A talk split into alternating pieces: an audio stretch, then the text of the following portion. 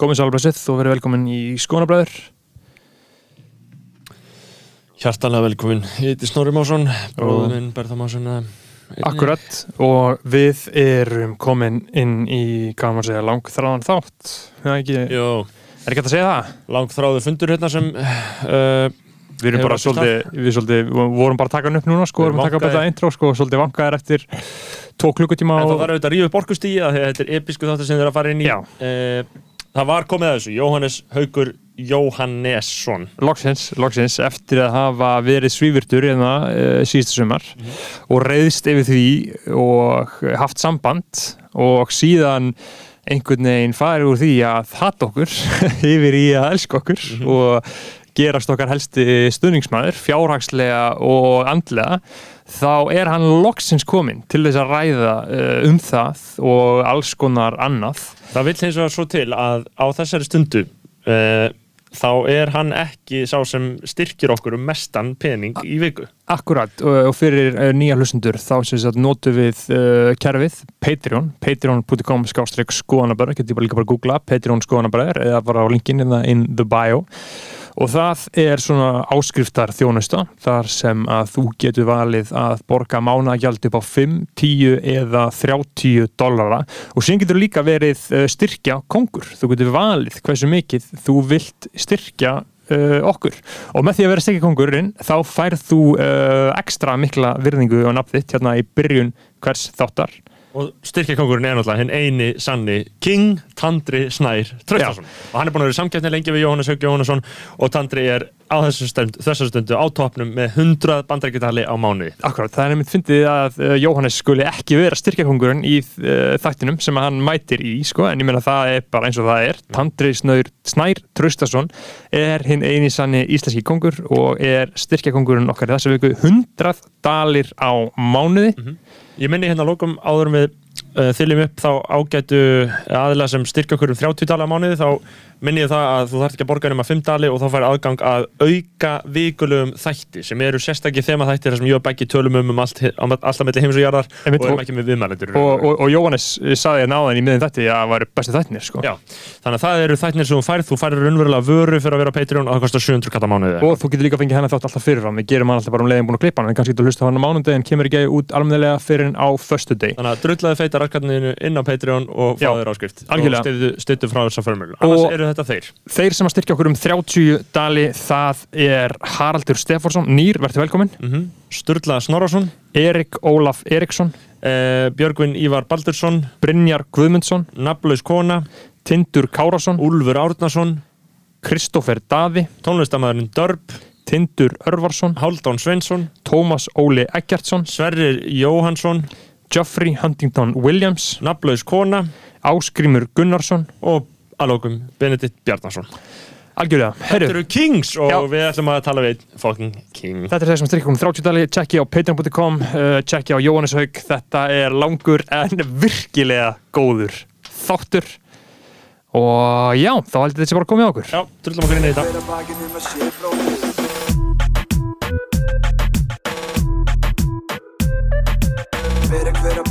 sé bróðir Hver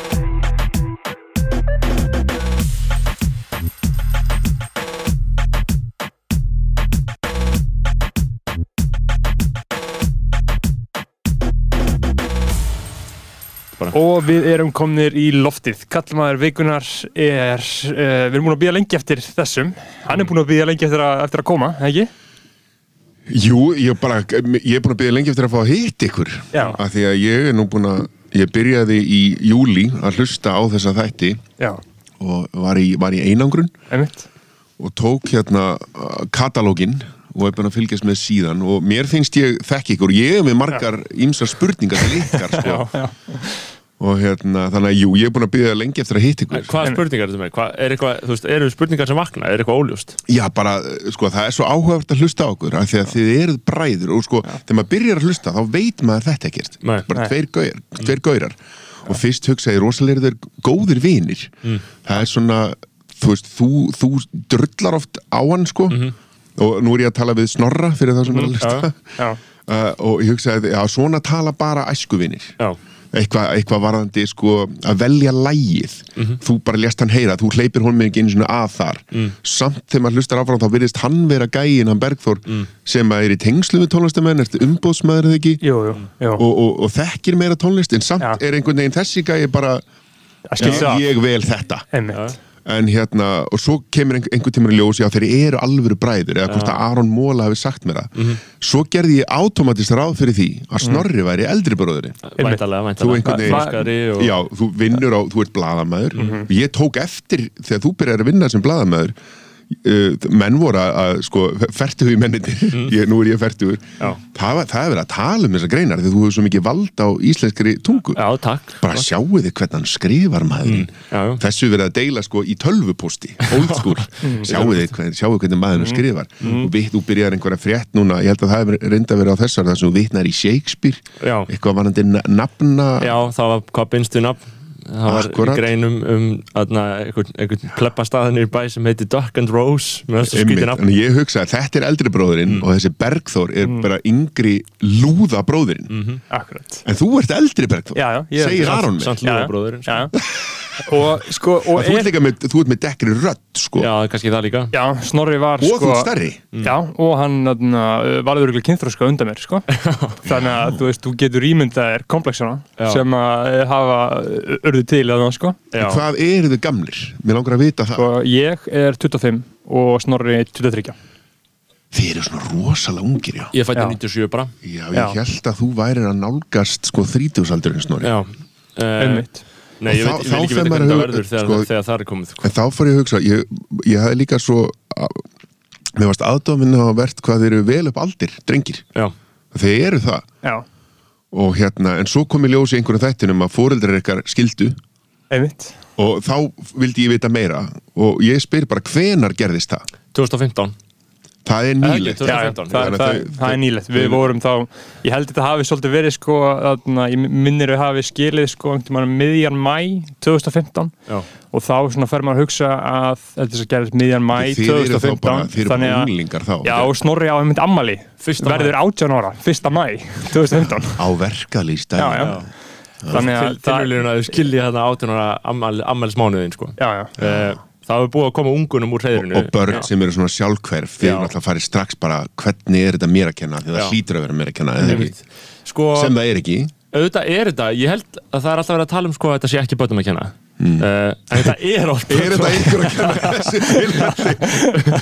Já, ég meina, þú veist, ég held að það sé alltaf mörgum þáttum að kenna, sko, en ég held að börn eigi oft meiri sög en látið uppi með, sko, í svona skilnaðum ok, við náttúrulega kannski getum ekki talað of persónulega um hægi fóreldri ykkar. Nei, þau Nei, nei. hlusta stundum, sko. Já, Eh, mamma hlustar eða ekki stjú, stjúpappa jú. okkar hlusta líka diggilega, sko, það að er stjúpappi, það Já, er komið. það er stjúpappi, er sko. stjúpmamma? Já, blessunarlega þá fundu Einan við ári helsi sko. eru þið fleiri sískir, sko ég myndi giska að það eru bara þið tveir. Nei, Nei, það er, Ari. einn, það er einn eldri. Nú, Uh, Ari Másson. mikið eldri. Já, Já, hann, hann er er, tímamót. hann er þrítur, fimm, fimm árum eldri.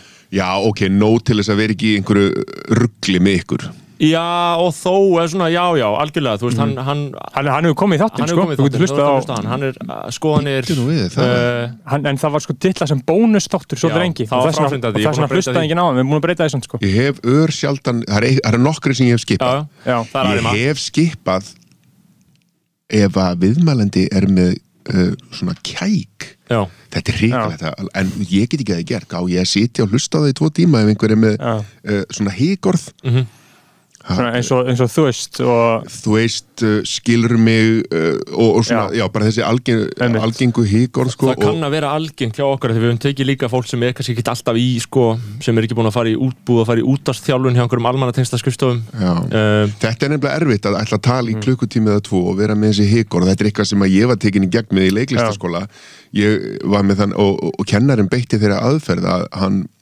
sagði ekki hvað hann var að gera heldur bara hljóður þetta hann samtal mm.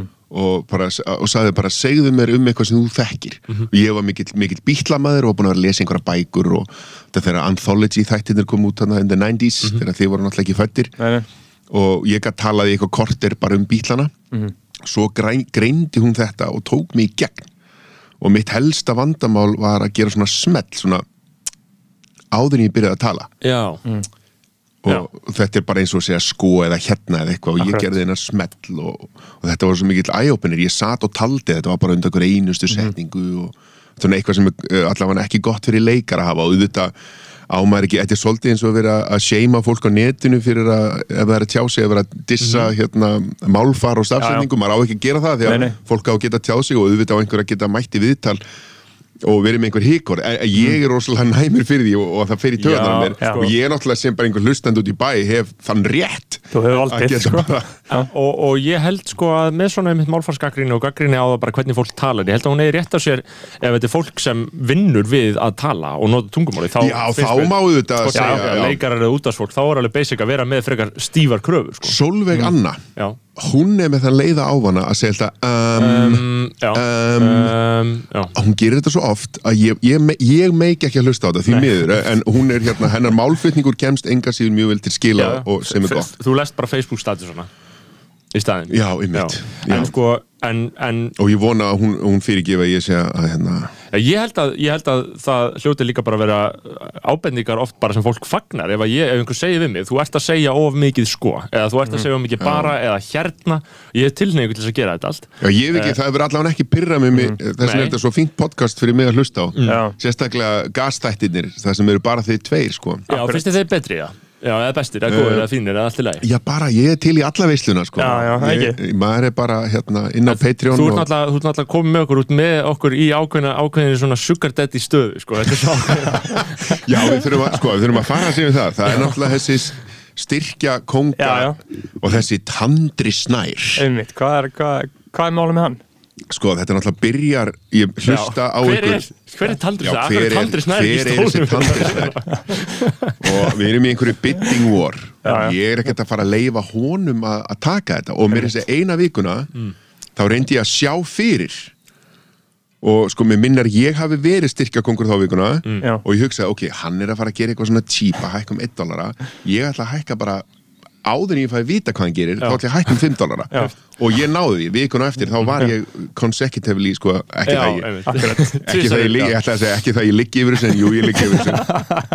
Þetta er eitthvað að því ég er náttúrulega ég mæti sko, ég er búin að vera fimm mánuð á Írlandi bara aðleitt, reyndar kom fjölskyldja mann út þarna eftir eftir 12 vikur, þannig ég var ekki alveg geðugur og fyrstu tvær vikunar var, var einangrun þar sem ég fór ekki út af hótelherbyggi hótel Svítu ef ég á að vera alveg, alveg hinskilin þannig að það var- alltaf það fór vel um mig Já. já, já, og Máttu ekki ég- fara í göngutúra? Nei, Nei. Samkvæmt lögum mátti ég það en þetta var, þú veist, þeir voru að reyna að byrja tökur og þeir sögðu bara nenniði bara please, verið bara herbyggi við, þú, þið getið allan sólringin ringt hérna í, þú voru bara að ráða svona teimi af fólki, ef ykkur vantar eitthvað eitt tyggja bakka, ringið ekki fara út. Þannig að, Þið gera ekki eins og fótballamenninir að fá stelpur upp á herbyggi ég var bara, ég þryggja barna það ég bara, fyrstu þrjá dagana en maður er bara svo fegin að vera í næði og geta kvílt sig. Svo byrjar geðveikin sko. Já. svo bara renna allir dagarnir í eitt. Svo síðasta daginn var ég komið með Stokkólms helginni bara vildi ekki fara út sko. Þannig að þú varst bara að bindja skoðanabröður og varst bara eins og Pappi Charlie Sheen í Apocalypse Now. Algjörlega, ég horfði mér þess að á hana Já, og og hann. ég hef búin að skipta dögunum upp sko. ég vaknaði alltaf sjö ég hef aldrei verið með klín mataræði. Ég tók æfingarútínu sem allt fór út um gluggan þegar ég leiði ég slapp út sko. þannig að, og svo hérna var ég með ég tók alltaf æfingu klúna 5 Síðdeis. og, já, síðdeis og, og þú veist, horfði á bíómynd hér, aðra bíómynd hér og mm. dagarnir eru svo langir. Já, já. Og þetta er svo mikið viðbriði þegar maður að reka fjölskyldu. Já, allir tími heiminum. Já, og þa þarna sem spyrja ég á skoðanabræðurum er bara að skoða alls konar og sölva og allt þetta dót og, og, og sé hérna Aron Móla vinn minn er í viðtali. Og ég er að hlusta og rosa gaman. Já. Og þetta ertu búin að taka nokkur góða þætti og ert bara í góðu róli með skoðanum Já, bara frábært, þetta, ég ætla að taka þetta hérna á Írlandi, kemur ekki nefnir Aron mig á nafn og, og þá kemur Bergþór með og sko, þú sagðir að ég væri með þetta var ekki það slæmt sko, Já, þú sagðir sko- ég væri með erf, nei, ég sagði að ég væri með rángar skoðanir. Já, skoðanir. Þannig að ég geti sko Já, Já, í fyrsta leið vil ég bara líka bara byggja afsökunar á því bara Já. byggja þig út af því að ég svona, þú veist, ég læri af þessu og ég, ég get spilað þetta ég er með þetta, ég er með þetta ef að hlusta, að. Það sem þú já. Já, sem ég sagði Ok, já. ok. Svo getum við farið líka í hvað ég, það er tvent sem þú gæti verið að vitna í. Já. Við getum líka bara rætt það. Já, við við, við, að það. það er það ákveðin hluti sem ég hef sagt sem að ég þarf að. Já, já. Þannig að ég bara, sagði- sagði við erum að taka segway frá tandrasnæði Erju, ég skal klára það og svo fyrir við þetta Já. Og svo sé ég þetta Þú auð er miklu skipulegar en við, Já. við, við Já. missum bara það, ég ég þjálfaði í narratífu sko. og hérna hann hérna, já, þannig er þetta alltaf að byggja um hérna auður og kassa já, í- í- í gamla, Ég byrjum gekk- Patreon. Ég gekk svo langt að downloada appinu svo bara, nei, þeir fá ekki krónu frá mér þessi helvítis þetta. ræflar og Já. samt gæti ég ekki hægt að hlusta sko, helt áfram og svo kom högni og bara, djúður þetta gott og svo ákvæði ég bara að byrja og þá kemur þetta, já, því að Aron sagði við mig það væri náttúrulega alltaf með revenge að fá þá til að setja virðing á nafnið þitt. Já. og ég hugsaði bara, já, ég, langar að heyra Bergþór gera það. Og ég byrja á þessu, svo kemur þessi tandrisnær Já, og ég verða yfirbjóðan og hann yfirbýð mig og svo bara heldur þetta áfram og komið upp í það, ég er að borga 90 dólar á mánuði. Já. og ég held að það séum þar núna, eða ekki?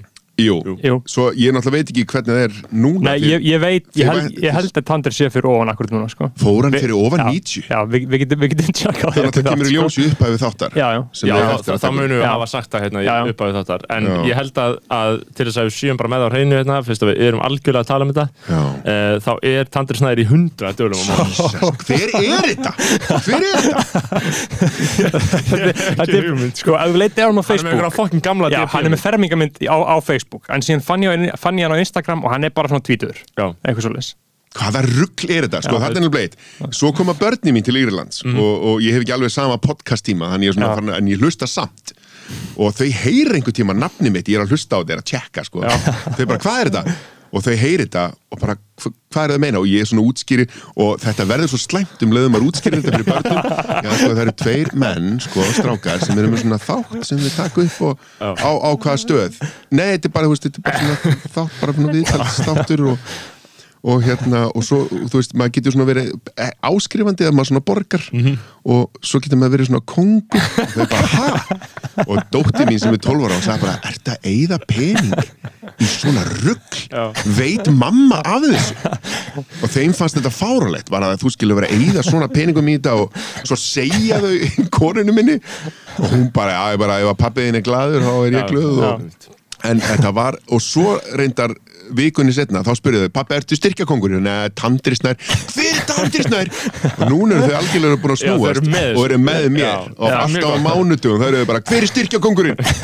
og vilja alltaf heyra sko brotið í byrjun Þetta er, þú veist, að því ég var að tala um að mér líður ógstlega illa út af þessu. Ég kom svo ekki samskapið Já, þetta er- eiginlega alltaf læg þegar þú ert styrkjagangur En Tandri Snæður, ég veit ekkert hvað tekjur hann hefur hann sko, þetta er náttúrulega bara á milli mín og hans. Já, og ég sé ekki eftir neina því að þið eru náttúrulega bara að búa til þess að þætti og ég hlusta á þetta og þú veist, þeir fengu King Sigvardsson hérna. Já, já. Hallgrím Helga sem báðir með svo gaman þeir vissu alltaf hvað þetta var það bara, er þátturinn klukkutími. Já, já. þeir, þeir hérna, veit ekki, þeir eru svo gamlir sko.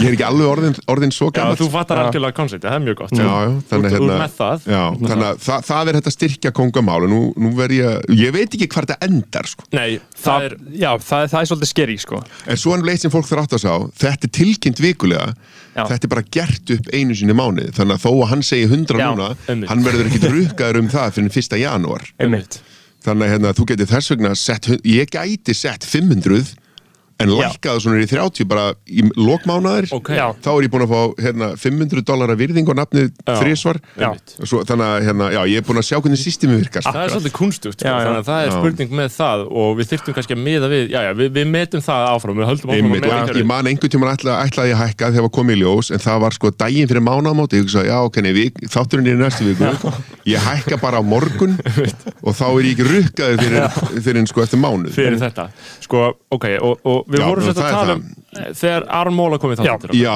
Þegar Armóla kom í þáttinn og þannig að ég bað því afsökunar fyrirfram núna áður en hlustum, á þetta sko. Uh, af því að mér, mér finnst sko niðurlegandi uh, að spila þetta. Þetta var fyrir, var, hvernig var þetta? þetta var fyrir einu og hálfu ári. Júli Já. 2019 eða Þetta, eitthvað. þetta var í júli 2019 okay. Ok. Hérna heyru það.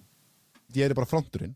Það er samt örugglega mjög mikil áhætta fyrir svona leikara og pólitískir. alveg eins og til dæmis Jóhannes Haugur já, hann var að segja eitthvað hann er hann með eitthvað liðlega skoðanir skilur, sem ég fannst bara leim og síðan þá hefur mér bara fundist hann leim skilur síðan þá Ég hann getað það svona, ok, leim, hann er nettur leikari.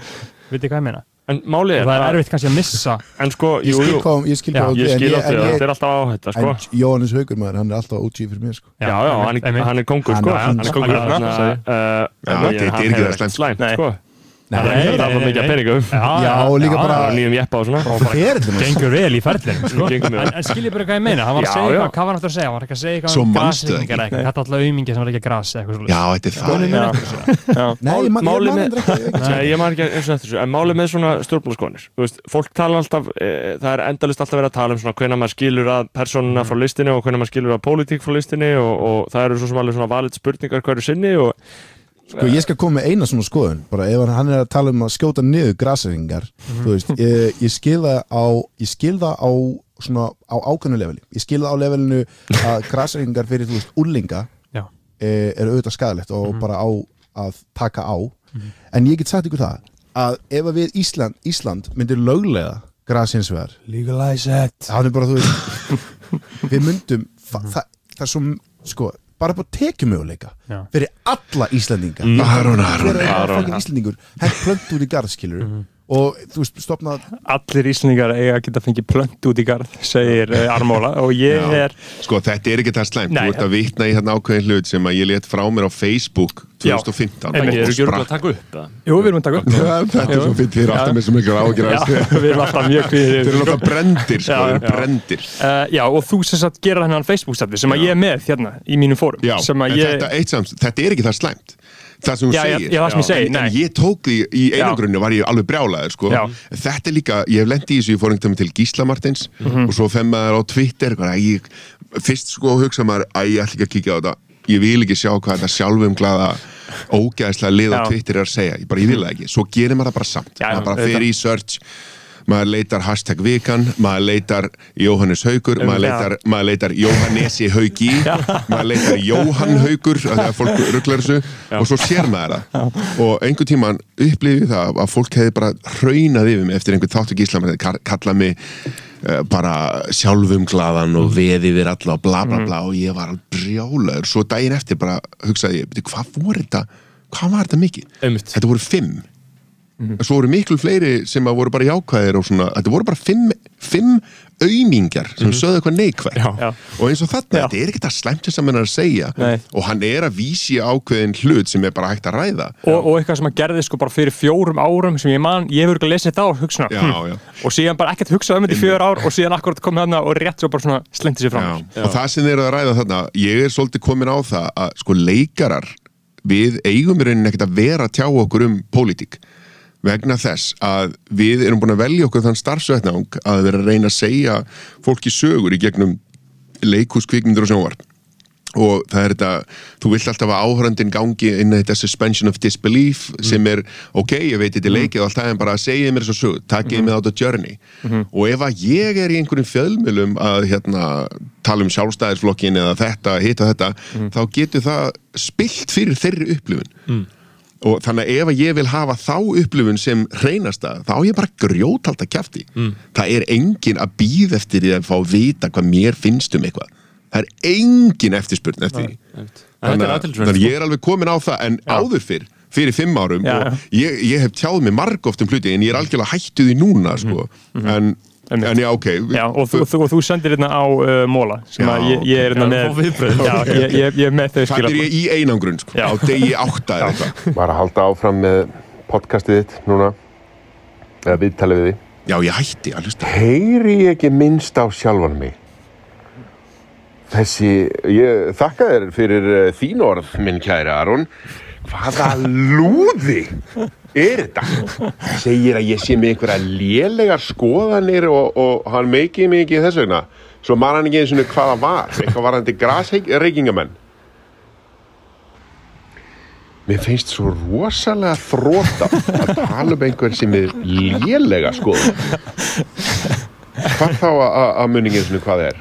Veistu það, þessi gæi, ég veit ekki hvor þeirra var, já, ég var svo byr, þannig að þeir eru bara báðir núna, dauðir fyrir mér. Dauðir. og nú er ég að borga ykkur nýtt Ég ekkert mánuði við þessi menn að segja. og, og síðan spjall- spjallið þið Aron eitthvað aðeins saman sko og síðan kemur þetta voicebistið sko að- aðeins setna Nei, svo er það. Ég nenni ekkert að fara í eitthvað helviti slaðvarp og, og tala eitthvað. Vegna þess, ég læriði það fyrir fimm árum síðan Já, þegar ég var eitthvað að gaspra á Facebook um hassreikingamenn og fekk þetta backlash þá læriði ég bara, já, þú skalt bara grjóthalda kjafti, Jóhannes. Þannig að það er ekki að fara að gerast. En þetta er, þetta er líka og þarna, uh, það sem ég fannst svo gott sko, ég fór aðeins síðan aðeins að- googla þetta. Þetta mál. Ég sjá hvernig fólk getur breytt um skoðun. Já, og, og drastíst á örfa á mánuðum. Já, Svo erum við alltaf að, hérna, að reyna að hengja fólk fyrir eitthvað sem það sagði fyrir tíu árum sko. Ég, ég mitt sko ef, að það er svo mikið það er svo mikið, ég er búin að láta svo mikið af efni frá mér sem getur orðið Já. á einhverju tíumbúti slæmt, skilur við það, er, það eru til á okkur báðum snorri það eru til öruglega yfir þúsund klukkstundur Já, af bara efni af það bara þurfti bara, tali það Ef þurfti bara að fara í gegnum það bara, bara hægt að taka þetta úr samhengi, skilur við en þú veist, ég er tilbúin í Já, það. það væri- það væri hægt að gera svona compilation fræðilegum Það er- skoðunum Það er sko. mjög skrítið að alast upp núna í þessu umhverju því þegar ég var úlingur þá var varla til Já. internet sko. Einmitt. og þú veist, voru, já, þannig að það, það liggur engin rafræn slóð eftir mann þegar maður var, þú veist, 17 ára að gasa drullu út um allt, sko. Já, Ræðilegt, sko. Um, einmitt. Og þetta gerir þess að þessi, uh, þessi stóra skoðun þín sem að þarna sem þú veldur svona- því að þú, þú Já. setur svífuringarnafnið þarna Já, já, Já. veldi því að ég svífur þarna Það er sem sagt, mér finnst það að fyndi Ég haf búin að gleyma þessu, þá getur ég að googla þetta núna hvað er með það? Það er sem sagt rapparinn Sævar Poetrix Já, já. Ætlar ekki að mæta fyrir dómstóla Mm, vegna finn- ákæru gegn honum vegna vörslu kannabis Á, á, var ekki 90 90 gröð Nei, nei, nei, nei, það var miklu meira Þetta voru 90 plöntur, þetta var eitthvað Já, fáralegt magn sko. Þetta var svo augljóslega ætlað Já. til ekki bara að greindi frá þessu fyrir í dag. Brást leikarinn Jóhannes Haugur Jóhannesson við með því á Facebook síðu sinni. Að hann væri Af hverju, okkur, okkur, gæti ekki bara sagt þetta við vini mínu og hann er kæftin, ok, segð það. Hérna, uh, brást leikarinn Jóhannes Haugur Jóhannesson við með því að segja á Facebook síðu sinni að hann væri orðin vel þreyttur á væli hassausa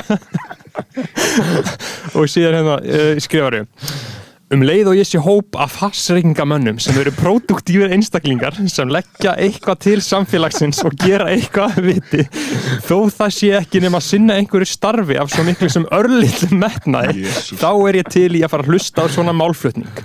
Þanga til það gerist hlusta ég ekki á svona væl. Hashtag telling it like it is. Þetta Þarna svo vegur heldur ítla hass, hass, Já. hass heiminum sem er skilst að sé rangt hugtak átt ekki að vera gra... þetta Gra- er- Jú. Ég er ekkert í þessu, ég, að ég, hef, ég hef held ég þrís frá æfinni prófað þetta dótt og uh, ég fann ekki eins og verið áhrifum Einmitt. en hérna hef svo sem ekki áhuga á að rannsaka það frekar hef hins vegar sko rótin að þessu mm. en leikar að reyna alltaf að kíkja á hvað er á bakvið þessi orð Já, já. Og þetta, fa- ég myndi aldrei gasa svona á netinu núna. Aldrei nokkuð tíman Þetta var 2015 2015, Já, já. Það var- var já. annar tími. Það var annar fólk tími. bara, og fólk er elda svolítið í þessu að, það, það talar á netinu bara eins og það gerir face to face við sko kaffivélina. Já. það er ekki hægt að láta svona frá sér og, og sérstaklega vegna þess að þetta, er- þetta er bara svo rangt auðvitað er fullt af fólki, maður veit alveg að gras er skadalust já, Já, já. ekkert meira ska, skadalegt heldur en áfengi. Nei, nei. Nei, og það er fullt af fólki sem fer vel með þetta. Vandamálið er eins og þegar við sjálfur sagt bara unglingar. Þetta Já, já. getur valdið heila skemmtu þegar þú byrjar alltaf ungur. Og- og al- algjörlega, mjög varhugavert.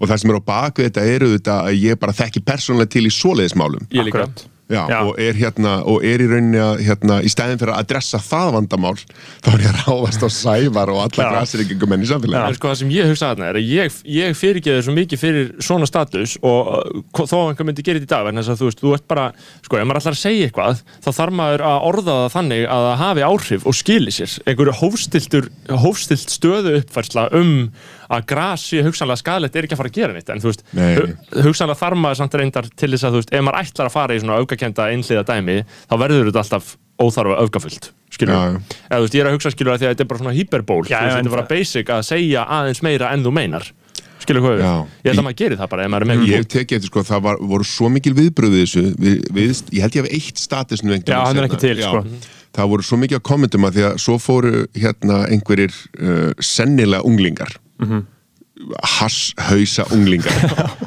Þetta fólk sem ég er að tala um þeir fóru að spamma kommentin með sko, Já. myndum af uh, svona grótesk klámi og alls og hérna svona, já, þeir gerðu svona, svona herinnir á netinu gera við fólk ef að, þú veist, að Já, já, akkurat, nákvæmlega. Ef þeir segja eitthvað um eitthvað og ég fekk fullt af skilabóðum bæði mjög yfirvögum, fekk skilabóð frá fólki sem að bara er ég bara láta vita það, ég er framkvæmtastöru fyrirtæki og ég fæ mér hérna gras um helgar og, og, og ég vil ekki bara drekka áfengi og, og bara eitthvað svona útskýra og, reyna að fræða um þetta og líka frá einhverjum brundsveittum hérna liklaborðsetjum bara, er aumingi og, og, og enn þann dag í dag ef það kemur einhver frétt ef ég er að leiki einhverju eitthvað, að Jóhannes fekk í þessu eitthvað, þá er alltaf einn og einn sem kommentar undir, eitthvað svona "Æ, þú alveg ekki, og ofmitin leikari eða eitthvað, og ef maður smellir á það og svona kíkir aðeins á prófílinn þá er þetta svo augljóslega einhver hérna sem er svo langt littur í einhverju neyslu að hann á, á, á sér ekki líf sko, sem, sem er þetta uh, sorglega brot af þessu uh, hérna. Einmitt, einmitt, En það hefur dröðið dilka eftir sér. Að skrifa hann status hefur, Það er bara svona, en, en ekkit, ekkit sem skiptir máli í rauninni, sko. Einmitt.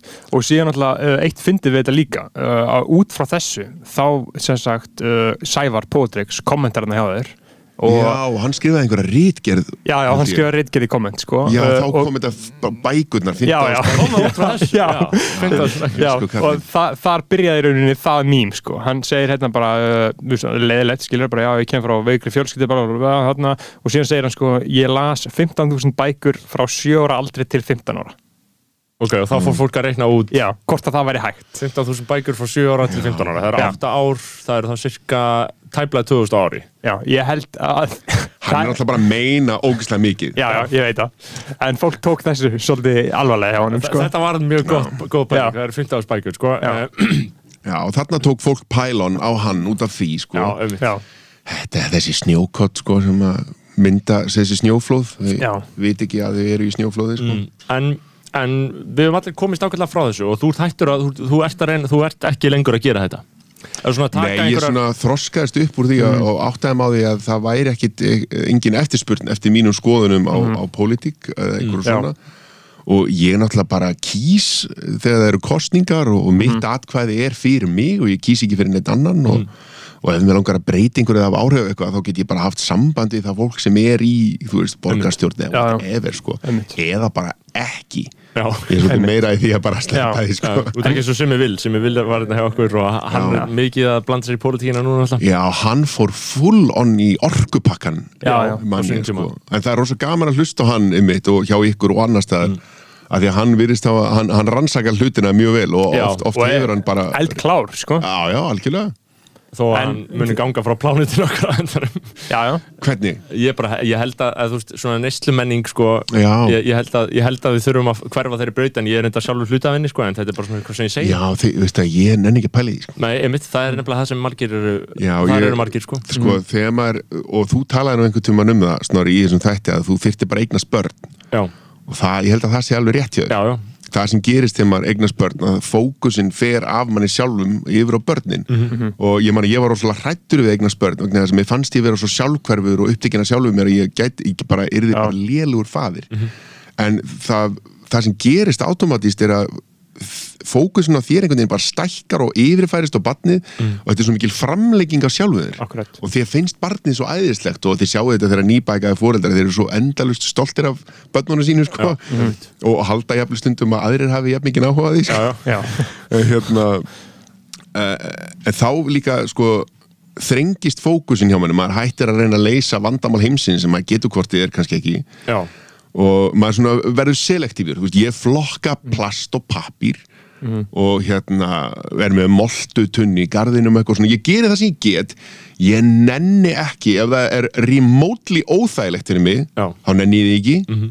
Og bara ég er ekki með samanskupið í því. Nei, nei, já, ég skil þig. Ég, hel- Já, ég er ég eins, bara- sko. ég- ég bara get í en ég held, að við, ég held að það þurfa að gera eitthvað. Það er það sem ég Já, held. já, ég já, bara- veist, ég, ég myndi vilja kjósa einhvern sem að myndi gera Já, eitthvað. bara látum stjórnvöld eða vísindamenn finna eitthvað upp Einmitt. og þú veist, þeir eru að vinna í einhverjum rafknúnum, nei hérna batterísflugvélum og Já, já. veist, þetta leysist á endanum. Ég held það, ég held að þetta hljóta Ég leysast. ekkert að neyta mér um Nespresso-hylki. Einmitt. Mér finnst bara ógeðslega gott að nota Nespresso-hylki og ég ætla bara að gera það eitthvað eitthvað, já en Nestle hérna bara, ég bara nenni ekki, ef það er eitthvað vandamál með Nestle, þá bara vilja viðeigandi yfirvöld sjáu um það, Akkurat, já, það getur ekki verið á mína ábyrgð. Ég er sammálaðir Já. En þetta er, núna munum við bara, fá ég hef ekki tíma í það. Núna munum við fá sko á Twitter þar sem að einhver segir að við hefðum átt að segja eitthvað eins og það voru þetta brjálæður út í eitthvað sem að vilþáttin Já. að því hann var að segja en þetta. ok, hvað hefðu þú átt að segja? Hvað Sko, ættum við að segja með núna við, við, við þetta, ég bara ég er, hugsa eins sko ég hugsa eins, en eins sem ég hugsa er bara að ég myndi vilja kjósa einhvern sem að gera eitthvað í þessu sko. Já, ég er alveg til það. Já, ég er ég ekki, sammála. en, en, eins og með Nestle það sem maður einhvern tíma kíkti á það það sem er rosalega, ef mér skilstæðir hafi gert einhverja hræðilega hluti með þurrmjólk Já, í einhverjum Afríkuríkjum og en þú veist, ég Mar, bara mar, ég hef heitt endalust á svona einhverjum óljósum bad publicity Já, sögum sko. Það sem ég sá, þeir, þeir ætlaði að enga væða vatn en ég, ég, ég tjekka á því. Og ef þú fer hann á heima síðan hjá Nestle þá er þeir svo mikið að reyna að bera blakka af þessu. Já, og ég kíkti á, þú er hægt að finna þetta viðtal þetta er 6 mm. minúta viðtal við forstjóra Nestle og hann er að tala hypothetically. Hann segir eitthvað svona hypothetically eru öll ingredients uh, markasvara, þau ráarar sem eru með vatn er eitt af þeim og hypothetically ætti þá að markasetja hann er ekki að segja við eigum enga vaða vatn. Já, það er hann er, að, hann er að tala hypothetically og bara hann, Nestle er saklaust þarna sko. Já, já, ef þú, um- ef um þú ferð einkavæða og skoðar það. Já, já, Já, ég held að þessu fyrirtæki séu jafn ógæsleik sko. Já, og, Já. Ne, og líka sko ein dós af eins og drasli sem þú ert að drekka. Monster, hvít Já, kló sko, Já. ég veit að lítil dós eru 33 Nespresso hilki Já. Þetta er ál, þetta er að sama sko. Já, Já, Þannig að ég já veit ekki þetta, að þetta, þetta, er- þetta, er það sama. Þannig að- Ertu þess? Já, ég meina og það er rosalega þægilegt að Já. vera í- niður í 101 og segja Já. að Nespresso hilki séu slæm og vera bara með hérna Monster. einhverja dollu í hendinni sko. Já, Já, en þú veist, þetta er oft, oft er, oft er svona svona aktivismi, þetta er ekki Já. aktivismi þetta er bara fólk að bladra sko.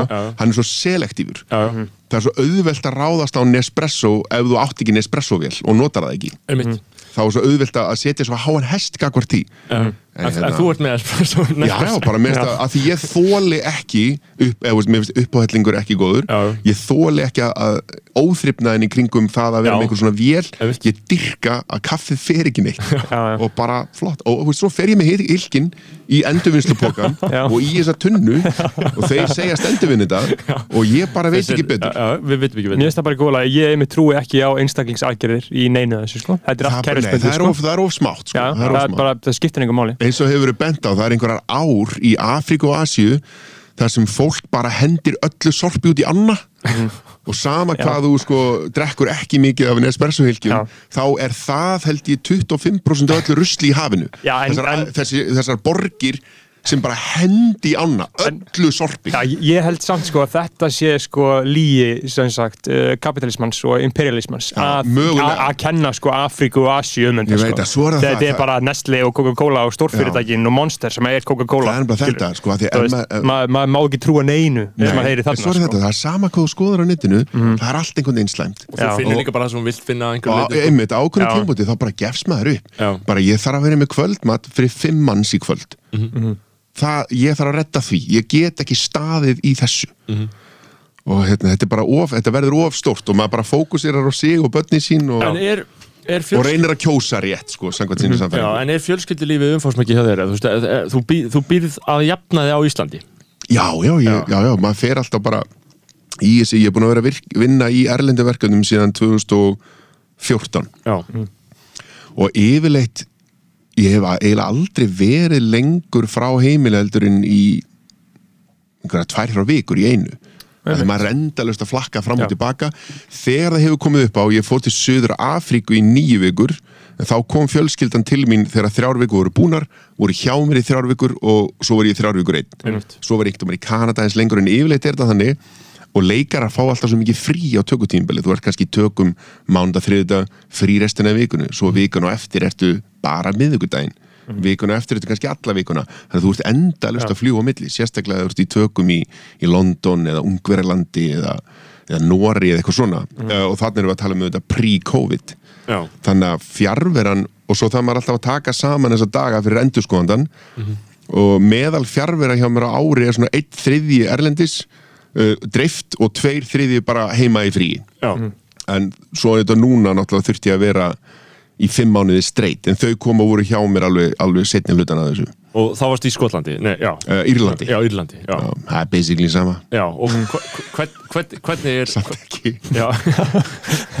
Þannig að uh, Hvernig var það? Hvernig er að vera í Írlandi í fimm mánuði að taka upp? Ertu í Dublin, í borgin, ertu í sveit? ég er, í- Já. ég er í litlum bæ sem heitir Greystones fyrir, sem er rétt fyrir utan Dublin Já, stemming það og já, ég meina jú, ég, maður, að- maður kynnist alltaf einhverju nýju fólki Já. og það er alltaf einhverju skandinavar eða yfirleitt svona í þessum verkefnum Mhm. og, og sérstaklega núna urðu við rosa góði vinir af því það voru allir fastir, fastir á staðnum Mhm.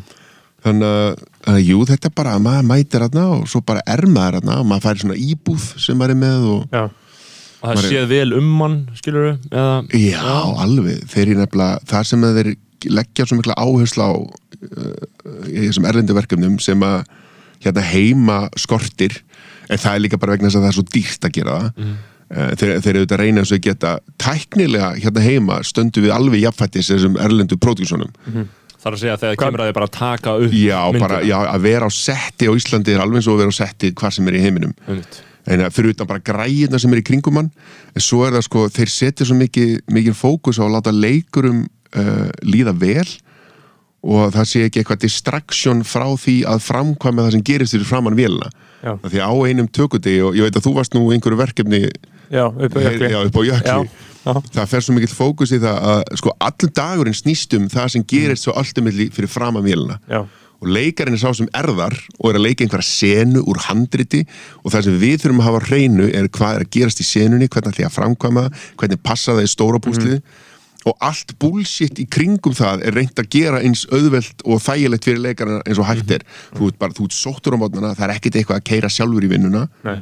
og þú fær þitt búningsherbyggi og, og þú ert græðar með, þeir eru hjálpað að klæða þig og farðaður og hár og svo ertu hérna með hérna, production assistants sem að sæ, eða vanta kaffi eða eitthvað þá, þá bara náði það fyrir þig.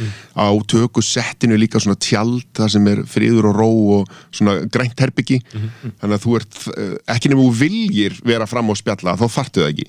Ef þú þarft að einbetta er að, þeir leggja mikið upp á því að leikararnir fái bara næði til að gera það sem þeir þurfa að gera fyrir framann Akkúrat. myndavelina Það þýðir að lífum að sverða heldur næs og. Já, já, en svo er þetta líka pínu þeim vilja heldur ekki sleppa augunum af manni. Ef ég vil fara á klósettið þá þarf ég að láta vita og ég fæ fylgdarmann með mér á klósettið já. af því að ef að mómenti kemur ok, hvar er Jóhannes?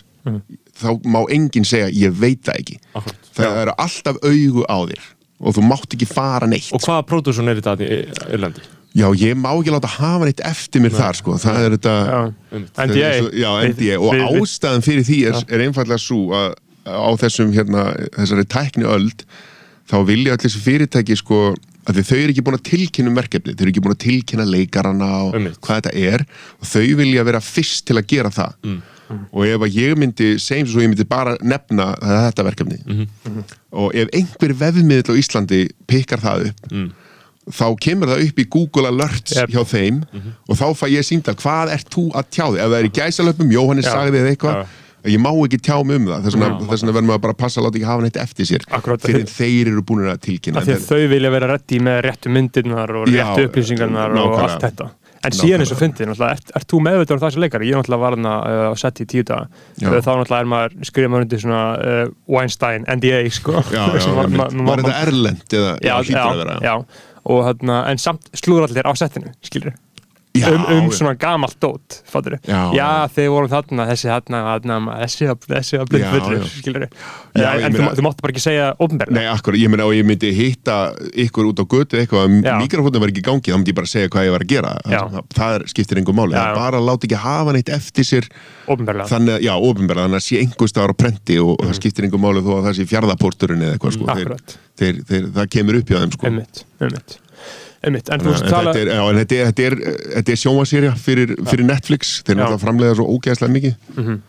En þú veist að tala um sko munurinn á uh, Íslandi og aðna úti Já. að tæknilega séð er ekki neitt munur. Nei, uh, en er, munurinn er þetta bara sko, peningar þegar, þegar, mætir, Já, þetta er, þetta er svo dýrt sko, þegar þú mætir á sett á Íslandi það, já, þú veist, þú, það, það er engin, það er engin búningsherbyggi fyrir, það er engin trailer. Nei, og hérna, þú veist, þú ert bara í einhverju rútu þar sem að hérna, er líka kaffistofa og, líka búningar og, og, og smink og og svo bara Sigurjón Kjartason í, í kuldagalla að hella kaffi Já, einmitt.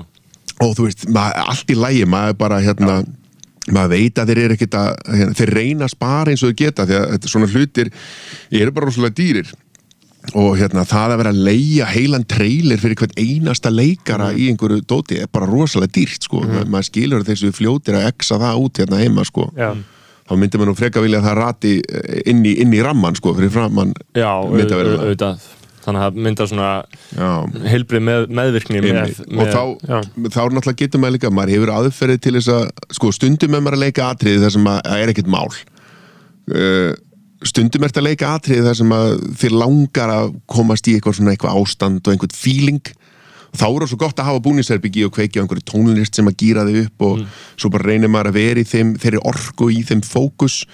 En þegar þú ert uh, kannski í íslensku seti þá er það erfiðara en það er auðvitað ekkit ómögulegt. Þú bara, um leiðu þú setur headphone á þig þá hætti allir að spjalla við þig. Og þú getur alveg verið bara út í hotni og maður bara vinnur með þar aðstæði sem maður Já, er með einmitt. maður á ekki að leifa utan að kom, uh, komandi aðstæðum að skemma fyrir sér sko. En svona fyrir leikara, þú veist, eins og til að uh, erlend efni eða búa til uh, meiri háttar innlend efni eða þú veist, hvar, hvar, hvar eru draumarnir, skilur, Hva, hvað vill fólk eins og þú gera?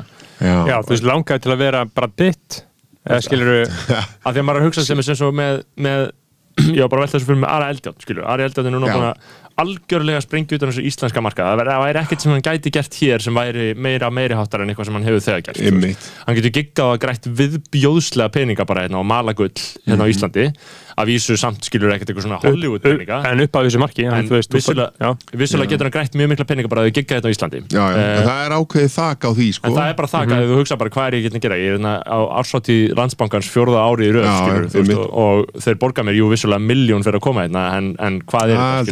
þeir mikið Nei, en þú veist það er örgulega hálf miljón pottit myndi ég halda. Nei, Jú, ég myndi segja Ari Eldjátt þeir, fær alltaf þeir hálfa tíma, þú veist, þeir hugsa ok, Ari, hvort viljum við fá Ara Eldjátt fyrir hálfa miljón eða viljum við fá þessa hérna fjóra Já, og borga þeim 120, 120, 130 skilur hvað Já, með það er er samt svo pottéttur sko. Já, ég, ég, ég, ég veit það, en, þú veist, en ég held hann- að bankarnir hugsi þannig, sko. Ég, sá, var, ég var að horfa á stand-up-ans á Netflix, þetta er Já. rosa flott hjá hann og se- þegar ég er að horfa þá hugsaði ég að voðalega fókus er mikið á Skandinavi hann tala svo mikið um Dani og svona. Mhm. fyrst hugsaði ég bara, kannski það ekki nóg sniðut fyrir bandaríkin.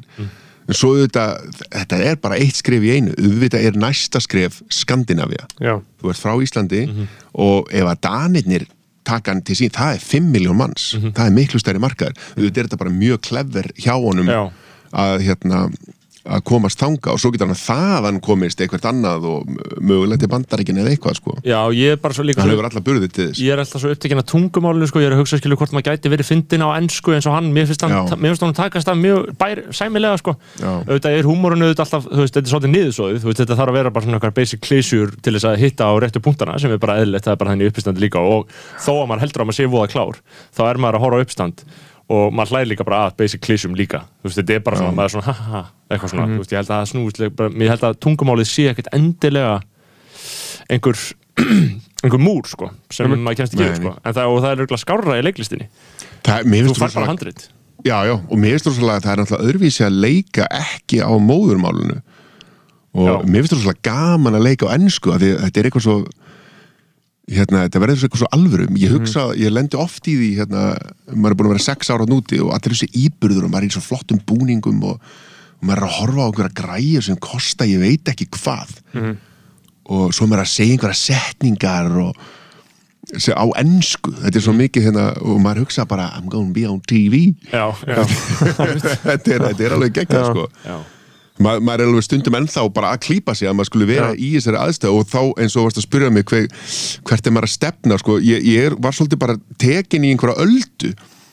Uh, ég, ég er svo lítið að stjórna þessu. Ég hérna fæ bara tækifæri hérna heima sem ég reyna að nýta eins vel og ég get sem var hlutverk í uh, bíómyndinni Svartur og leik hjá Óskari Þór Axelsinni og það er hún sem að landa mér umbóðsmanni úti sem að hann svo hérna redda með fyrsta gigginu og öllum giggum og þetta er alltaf eitthvað ég var ekkert að reyna að fara að vinna erlendis og fannst það í rauninni eitthvað sem væri bara óhugsandi og væri ekkert eitthvað sem að myndi standa mér til bóða þannig að í sex ár hefur bara alltaf verið að koma annað og annað og ég er alltaf bara, ha, er þetta bara ennþá í gangi? Ég hef nokkur sinnum hugsað, "Já, ok, nú er þetta búið. Ég átti hérna mitt rönn í útlöndum. Gaman að því, ég get sagt sögur af því hérna í kaffistofunni á hérna í þjóðleikúsinu en þú veist, þetta er ennþá í gangi og, og þannig að ég er ennþá bara svolítið að rífast með öldunni uh, þannig að ég er ekkert í einhverju svona markvissri Nei. stefnu sko, ég er, já. maður er bara að fljóta með sko Þetta er bara ákveðið, þú veist, þú ert bara ferðið kannski í pröfu fyrir þetta og þetta er eftir sex mánu. Þú getur ekkert hugsað mikið lengur, lengur fram í tíman eða? Nei, nei, og ég meina, nei, nei, og ég vil eitthvað mér þess að stittra, sko, Já. og svo kemur fyrir eins og núna þegar ég er í sjónvarpserju, bíómyndir, þá er það stutt og afmarkað, Mhm. En sjónvarpserja, nú er ég búin að skrifa undir sex, uh, sex ára samning, eða sex season, Mm. sem að samt er ekkert lofurðum, uh, það er basically, ég er bara búin að semja um það að þeir eiga mig í sex season ef þeir vilja. Já, Þeir geta alveg ákveðið að drepa mig, þeir geta ákveðið að, að nota mig ekki og Netflix getur líka ákveðið að cancela þættinum. En ef þetta gengur í sex season og, og, þá, þá er ég mögulega bara með allan tíman og það, þannig að það er ákveðin hérna óvissa sem er búin að eliminera þar og, og þættir eru líka svo lengi í tökum ég til dæmis er ekki ennþá búinn sko. ég, við erum bara í jólafrí núna, ég fer aftur út í mars til að klára seríuna mm. farið farið borga fyrir hvert tökudag eða bara fyrir verkefni heilt? Nei, í þessu tilfelli fæ ég borga fyrir hvert þátt Já. þetta eru nokkur level ef maður er að leika í kannski einum, tveimur þáttum þá fæ maður svona viku, maður fær aldrei borgað fyrir hvert dag úti Ok. Þa, það, Það er, það er það er íslenska leiðin. Já, það er íslenska leiðin. Uh, Þeir hérna hafa sóma sín í því að borga þá allavega fyrir vikuna sko. já, Já, hérna það er, er sérst svolítið dörti mú að borga fyrir dag Já, ég meina, þú veist, hérna eru fimm vikna tímabil og við ætlum að nota hérna einn dag í hverju viku og ætlum að borga þið fyrir fimm daga. Og ætlum bara að fá borga fyrir fimm vikur anskotin hafið það Já, sko. En þarna aftur, það eru minni peningar þetta Já, og maður skilur alveg að þeir reyni að bara, herru, þetta eru bara fimm dagar. En útið, þú veist, það eru umbóðsmenn og annað, þú kemst ekkert upp með það. Þú verður bara, og sé, þeir meira segja ef þú ert að leika henni tvær vikur í röð svo frí eina og svo önnur, þá segja umbásmennin herðu, ég þarf að blokka hann út í fjórar, Já. þið verður að borgunum fjórar. Já ok, þá er það yfirleitt þannig. En þetta eru svona lægri upphæðir en, en samt miklu meira en hérna heima. Svo er næsta þref fyrir ofan þetta það er að fá hérna uh, svona episode fee. Þá færðu bara að borga fyrir hvert þátt sem þú leikur í burt séð frá því hvort þú seti einu atriði eða öllum atriðunum. Einmitt. og þarna hérna já þannig að þá er það bara þannig sko þannig að nú er ég búinn að leiki sex þáttum og það eru tveir þættir eftir sem verða teknir upp í mars Næs. En síðan þetta líka náttúrulega úti er þetta allt svo rosalega unionvæs, eða ekki? En á Íslandi þá bara er ekki verkalýsfjölög í eru Finnur, finnur mun á því, þú veist, er stundum að vart úti í einhverjum Hollywood tökum þá bara þið hættið á slægin átta Já, og ekki já, neitt. já, en þú hérna á. Íslandi er þetta bara, hérna, þú veist. Já, já, já, þetta er rosa hart að núti sko, en það er þetta fólk alveg svo hér, það er að vinna við þetta allt árið það verða að vera einhverja reglur og einhver, einhver mörg sko. Bara hann að geti lifað sómasamlegu lífi. Já, já, og bestu reglurnar ef maður lendir í sko bandarískri próduksjón þar sem maður er að vinna undir svona sag skrínaktorskild samningum Já. það eru bestu dílarnir. Já. af því að þeir eru með svona þetta er sko lengdin á tökudeginum hann getur verið tíu klukkutímar en það þýðir þá sko tíu klukkutímar frá því að kameran byrjar að rulla en það geta verið sko kannski mættir klukkutíma á undan í búning og smink. Og svo ertu klukkutíma að koma þér heim. Þannig að þetta er 12 tíma dagur eða jafnvel 13-14 fyrir eftir hvað mi- mikið að sminki. Bandarísku samningandir þeir byrja að telja þegar þú ert sóttur Já. og þegar þú ert stígur út úr bílnum á leiðin inn til þín. Þannig að þá hérna og það það. verða að vera 11 klukkutímar á milli daga. Ef að þú ert komin heim til þín klukkan 6 um kvöldið þá meiga þeir ekki pikkað upp fyrir sjö daginn eftir Einmitt. og ef þeir brjóta það þá er 1000 dólar að sekt sem þú færð Vá. næst það er bara 130 skall fyndi að þetta sé líka bandarist. Maður myndi aldrei halda að ógist þetta land í heimi. Er sko? Bandaríkin eru ógæslegasta og bestalandi heim. Já, já, það þeir er eru með allt Já, já. það er málið sko. Það er besta og versta, sko. sko, Það- og það er líka, að ég hef, ég hef verið í þremur svona verkefnum undir svona skrínaktorskildsamningi Mhm. og það eru einu verkefnin þar sem ég fæ stefgjöld eða svona residuals heitir það Einmitt, þú ert að fá bara ég fæ ávísanir í posti frá bandaríkjónum sem, ég, sem ég þarf að fara með í lands, Íslandsbanka og, og skipta ávísun reglulega. Og það- og- það er og svona það er bara- kærkomið vesen. Og það er bara til dæmis, þú leggst einhverju bíómynd og þú veist, einhver sjónarstöð kaupir sér réttin á að sundulega, bara Já. hérna er bara fyrir, ég held að þetta sé þrísvar árið eitthvað. Já, það er bara, við seldum uh, þessa bíómynd hingað og hingað og Netflix skipti réttin á honum hérna í uh, þessu svæði og bara ég veit nákvæmlega hvað þetta er og þú Vá. þessa upphæð. Og hvernig, hvað, hvað sem mikil peningur er þetta? Það er misjáft sko, það er mest fyrst uh, Já. þetta er fyrir uh, þetta er fyrir þrjár bíómyndir þetta er fyrir bíómyndina, ég leiki bíómynd sem heitir Alpha Mhm. sem að hérna, Albert Hughes leikstýrði þar sem ég er í, ég er í nokkuð stóru hlutverki þar Mhm. Svo fekk ég hérna svo er þetta bíómynd eftir Richard Linklater sem heitir Where Did You Go Bernadette Mhm. hún var sínd á sjónvarpi Símans hérna Nice. þannig ég fekk kött af því Já, ok. Eh, hérna, það var pínlítið hlutverk í Já. henni og svo er þetta Bloodshot með Vin Diesel ég Já. fæ sagt residuals af þessum þremur myndum Já. og, og mun fá það að eilífu sko. Það það er þetta þinnist út, þetta er mest fyrst Já, og þumarpöta reglan er að þú færð sirka það sem þú fegst borga Þannig að þú veist, ef þú- Aftur, já. já, til bara, ef þú fegst 10 miljónir þá myndu fá það á næstu þreymar árum Einmitt. og svo fer þetta mjög hratt minkandi Já. nema þetta sé, skilur, ef þú leikur í jólamynd sem er hittari Já. eins og Home Alone og svona það, hann alltaf bara keirir á því hverju ári sko. Þeir, er eru örugglega bara ennþá rík út af, út af, út af því Já, miskilstæð, já, já, menna hann En, en til dæmis ef að uh, segjum sem svo, segjum sem svo að þú væri bara aðaleikarin í einhverju bíómynd bara, þú veist, það væri bara þú væri bara aðaleikarin og þú væri næstu bara svona einleikur hefur þú eitthvað um það að segja hvar þeir sína myndina ef til dæmis bara einhver nýnasta stöð vil uh, sína þessa mynd að þeir elska hana þú veist, e, Ég- hefur þú eitthvað um það að segja þér? Ég myndi hugsa bara dreifingaraðalega og framleiðendur já. ráði þessu ég hef náttúrulega ekki verið í þeirra aðstuð að vera Nei. eitthvað lítið einhverju bíómynd út ég held að það sé mjög fjarlægur draumur Já, ég meina, maður veit aldrei er rétt, maður veit aldrei En, uh, akkurat, og, og, en, en ertu ekki mest, fyrst og fremst að leika einhverja svona rússar með skegg og einhverja vikinga? Uh, jú, Hefur það verið hingað, Já, þannig hingað sko, til ég það? eitthvað, nei, ekki bara nefnilega ég hef nú verið alveg heppin með það ég hef leikið rússa, jú Mhm. og ég hef leikið vikinga en svo hef ég líka fengið eitthvað annað, veist, ég leik bara manneskja, já, já. Mhm. bara hollenskur skipstjóri og ég leik bandaríkja mann einu sinni í Einmitt. kúrekamynd sem var, sem var æðislegt og þannig að já, ég fæ reglulega eitthvað annað en það líka. Já, já. sem er nóg til þess að ég verð ekki svona pínu fógi við því að, en Já. þú veist, þó svo það væri bara rússar og vikingar Alveg- þá fínt bara já, væli ég alla leið í bankan með Já, það sko. einmitt. bara bring it on sko. Já, einmitt, ég hugsaði líka að maður myndi ekki kvarta undan því sko. Nei, meina, þá, þá er ég bara þá er það bara þannig sko. Já, þá er ég alveg sáttu við það sko. En, en þetta hljóma næ sko, því ég hugsaði með sko, sko, maður verið fastur í útlöndum allt árið eða eitthvað, en þú getur bara átt frekar eðlitt lífið á Íslandi, sérstaklega að Já, COVID er búið og, og, já, já, og ég miklu betra lífi en maður sko, eftir ég byrjaði að vinna úti er ég með miklu meiri frítíma heldur en áður.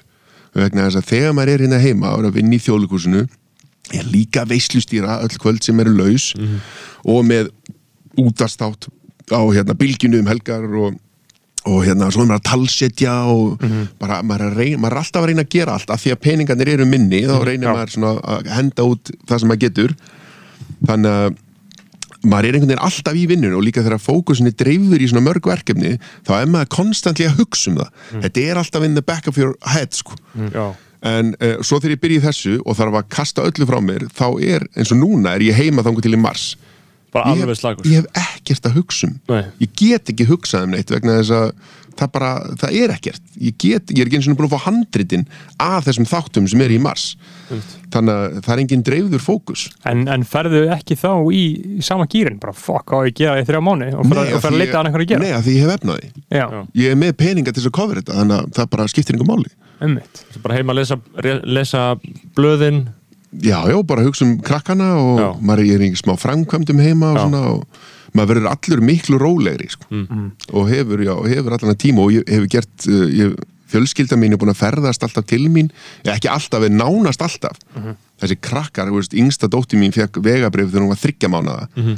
þannig að þau eru búin að fara til einhverja átta landa eða eitthvað undanfjöndum árum. Er alltaf eitthvað að ferða sko, hérna, er en eru þau ekki alltaf að gera eru þau ekki voða leðileg við þig, þau eru alltaf að gera grínið að sanga Twitter? Já, já, það er hérna Það var nýjasta var nú 12 ára dóttirinn sem sagði að ég væri overrated leikari. Já, Ég spurði hana, "Bíddu, hvað hva, meinar? Hvað Já. meinar, mm. hvað ert að segja? Er þetta eitthvað sem þú heyrðir bara? Já. þá svo, nei, bara, veist, þú ert ekki það góð. En, en sko, en sko að það hljóma líka sko, ég, ég fíla sko að þú veist, þú, te, þú, þú tekur það inn og þú manst það sem fólk, þú lest það sem fólk segir um því og svona, en þú veist, það er ekkert að fokka þér upp. Þú veist, Nei, nei. eh, Twitterið uh, dætur þínar eða dóttir uh, Já, nei, nei, það, sko, Gísli Marteinn eða sérst, þe- þegar þú ferð til Gísla Marteins. Það er líka eitt sem maður átt að segja á, sko, þetta er sjaldnast uh, þú veist, fólk segir eitthvað það það þarf ekki að hafa áhrif á mig það sem einhver segir það, hérna, það snýst sjaldnast um mig sko. þetta er bara Beggi var bara full út í sjálfa sig þegar hann sagði þetta. Já, Já, ég meina en svo líka, þetta er alveg skýrt dæmi um að því að það sem þú sagðir var ekki eins og það slæmt, þegar maður skoðar það. Ég bara um leið og ég heyrði það í fyrsta skipti þá stuðaði mig svo mikið. Æ, þú veist, varst bara í saklega síðan að hlusta á eitthvað podcast og allt í náttúrulega svífist ég- ég- einmitt, þetta kom svo aftan að mér sko, en þetta, þetta, er, þetta er alls ekkit slæmt maður hlustar á þetta. Þannig að neini, maður hérna já, ég pæla ekkit í því hvað einhverjum öðrum finnst eða hvað einhver annar er að segja En, en he- hefur alltaf hana, verið, hef, hefur það alltaf verið þannig? Var þetta eitthvað sem þú lærðir? Að því ég tók eftir því sko eins og við tókum Simma Viljina, fengum Já. gaggrinni frá PC Squad á Twitter og, Já. og, og, fleirum sko uh, mér gjörsamlega fullkomlega sama bara algjörlega gæti ekki verið meira sama en þetta gæst fyrir ári eða einu og hálfi, Já. hálfu þá hefði ég bara hugt að fara í sund og. Bara uh, Ég held að það, það er bara því að nú eru þið búin að gera þetta podcast það lengi að þeir eru komin með ákveði sjálfströst. Og sjálfströst í lífinu og í, í ákveðnum verkefnum um leið og þetta komið með eitthvað sjálfströst þá hafa svona hlutir miklu minna áhrif á af því að Ja. þeir þurfi ekkert að gera það. Ég fann, ég bara, þetta er svo mikill munur að því ég bara, ég man bara, einmitt, bara nákvæmlega sem þú ert talað líka, að ég bara mér gata ekki verið meira sama, ég var bara svona, mér er bara alveg sama Já. hvað fólk segir, en sem er líka mjög slæmt, sko, mér gæti ekki verið meira sama Nei, nei, það er ekkert slæmt, að það er svo augljóst að koma auga á ef einhver er að segja eitthvað sem er raunverulegur einhver punktur á eitthvað sem hún gerðir þá getur þú mögulega að tekið það til greina og bara já, herru, já, ég þarf að gera þetta og, Já, eða þú sér bara, já, nei, þessi er bara gasa. Þetta er bara eitthvað gas. Já, en þ- já, það- málum að það voru punktar í þessu sem fólk var að segja, ég var alveg sammálega öll, en, ég fór bara ekki að panika, skilur Já, já. Nei, bara eitthvað um að sem ég vil hafi verið að við vorum ekki að tala um veganisma og kjötátt og svo Já. sem ég vil var að pakka okkur saman. Já, en nú eru þið sko þú voru að horfa í hvers konar hann var ekki kastljósi. Nei, umvitt hann er í podcasti sem að snýst um hann. Já, og hérna, þið, eru- þið eru bara að, að hérna, eitthvað að reyna að leiða eitthvað í ljós þið eru að setja gjallarhorn á hann. Eh, það er með það sem maður hugsa þetta er bara eitthvað plattformun, skilur og ég nenni ekki alltaf að vera að er leiðrétta allt sem allir aðrir segja. Þá myndi maður bara ekki gera neitt annað, skilur ef maður ætla að reyna að halda einhverju réttri pólitísku línu í gegnum all hlaðvarpið það þýðir ekki, hann er ekki að hlusta það. Eða, ég myndi ekki nenni að hlusta það. Nei, alls ekki, þetta er bara en ég veit ekki, en svo getur verið að einhver sem er vegan og hérna var verulega ósamal einhver sem, að, sem ég sagði og veit eitthvað sem að þið vitið ekki og Já. margir sem eru það og margir sem hafa talað við okkur sem eru vegan og eru Mhm. með betri upplýsingar við vorum með og þá tekið þær til greina en maður bara, þú veist maður bara nennið ekki já, ok, fínt, Mhm. skilur kona mín prófaði að vera vegan út í Írlandi Mm. það er svona samfélag veganista í þessum bæ sem ég var í Mm. sem að heitir, ja, fyrirtæki sem heitir Happy Pear þetta Mm. eru tvíburar, ógeðslega næs geðveikt hérna, myndarlegir og flottir og reka þessa litli, litli, litla svona litli veitingastað og búð, Mhm. allt eitthvað vegan. Svo mæta allir í hérna, við sólarupprás í sjá, hérna, sjósund. Já, og hún var bara í þessu og byrjaði að elda vegan og þetta er ógeðslega góð matur. Já, auðvitað. Og ég pantaði einhvern veginn eldum rétt vegan og nota þetta sem svona meðlæti. Mm -hmm. að því mér finnst þetta rosalega gott. Ég mér er aldrei dottið í huga að elda þetta en svo bara skelli ég kjúklingabringu líka sko. og hérna já þannig að já ég nenni ekkert að fara eitthvað að vera vegan sko. ég, sama hér. Uh, ég ætla bara að borða egg. Já. En, og ég finn ekkert til með hænum bara sorry, ég gera Já. það ekki. En, sko það er sko það sem um, það er málið með sko að, að þetta er svona smá eins og með þetta vegandæmi og græmitsættdæmið já, ef þú borðar kjöt og ef þú borðar egg og ef þú borðar mjölk þá finnur þú ekkert til með dýrunum. Þá ertu alveg búin að afsala þér. Og, og það er það sem ég gerir greinilega, skilur með því að ég borða þessar afurði, skilur Já. en þá ertu alfarið búin að afsala þér þessu dæmi. Veist, þá, þá ertu búin að segja mér geti ekki verið meira þess að því ef, þetta er svona eins og með skilur kristna trú eða eitthvað svona. Ef þú trúir raunverulega á Guð og trúir raunverulega að sé dómari hérna uppi sem er Guð Já. og hann bara ákveði já eða nei og bara hann sé að fylgjast með þér.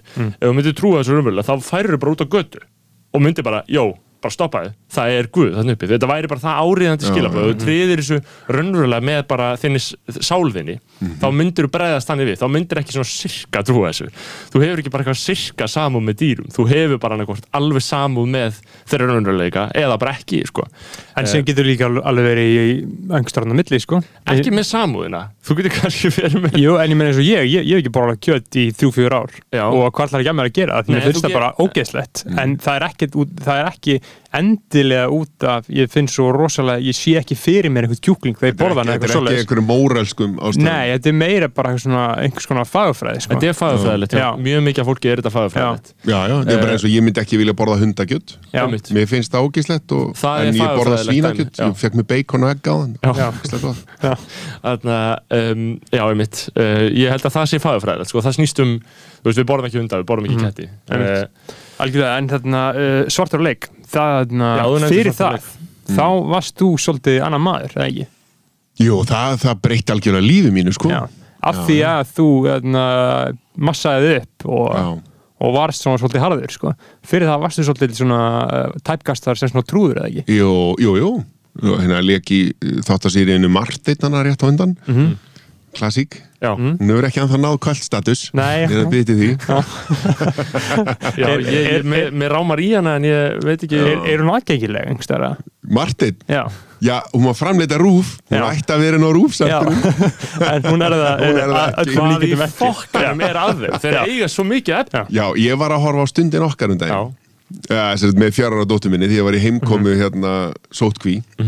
Og, sem, og hann er gói með stundin okkar allir þættir og við horfum á þetta og hún dyrkar þetta og, og ég tók eftir að stóð aðgengilegt á vef til 7. desember. Og svo bara er þetta horfið núna. Og ég hitti góa í gær og hann er mikill vinnu minn, við vorum saman í leiklistaskóla og ég spurði hann, "Á, hvað er þetta einhver svona samningur við þig eða, þú veist? Hann bara, nei, nei, nei, þú veist, þeir eiga þetta. Og hann nú er ég að segja eitthvað sem hann heldur sko, hann hann gæti verið mögulegt að þetta snúist um sko pláss geimslu pláss Já. Meina mín skoðan á því er bara reddið því Kaupið ykkur fokkin server, þetta er ekki svo já, dýrt kaupið ykkur, setið þetta þetta er forgangsmál Já. Já. já, hann er ekki pláss fyrir reddið því, þetta Já. er hægt Já.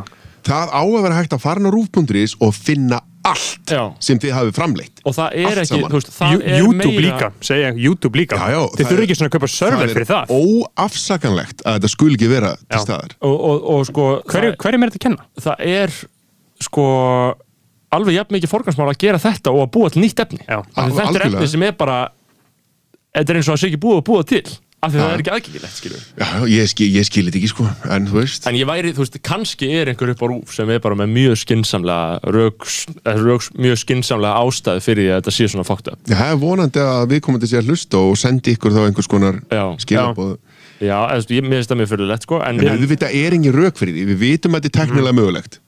Og við vitum að öllu líkindum sko, allir samningar við framleiðendur eru bara buyout, þeir bara eiga þetta. Já, og bara gerið þetta þá. Já, já, mitt. að þú getur nálgast þetta og sendir eitthvað mail og mætir og getur fengið að sjá þetta eitthvað svoleiðis, það eru með eitthvað svoleiðis bullshit policy, sko. Já, þú getur fengið aðgang að þessu. Já, þú, þú getur fengið aðgang að öllu, sko. En þú þarf bara virkilega að Martin bara, var, Martin var seldur á Já.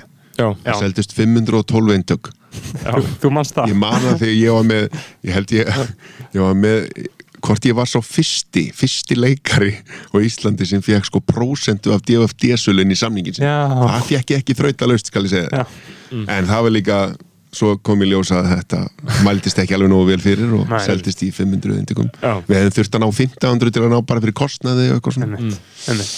Já, ég, Marteinn var, það gekk ekki eins og, eins og, eins og var gert ráð fyrir. Nei, nei, nei, nei. Svo, en jú, jú, þarna var, ég var alltaf svona 110 kíló cirka, stundaði engar liftingar að íþróttir, íþróttir en eitt og fæ svo þetta hlutverk í svartur og leik 2010 og myndin er tekin upp 2011 og ég tók þarna bara harkalega þjálfun og mataræði, misti 17 kíló og, og massaði með allan upp og, og breytti algjörlega mínu ytra atgerfi og leki í þessari mynd sem var til þess að ekki bara fekk ég tækifæri erlendis heldur líka breytti bara mínu sko, minni heilsu.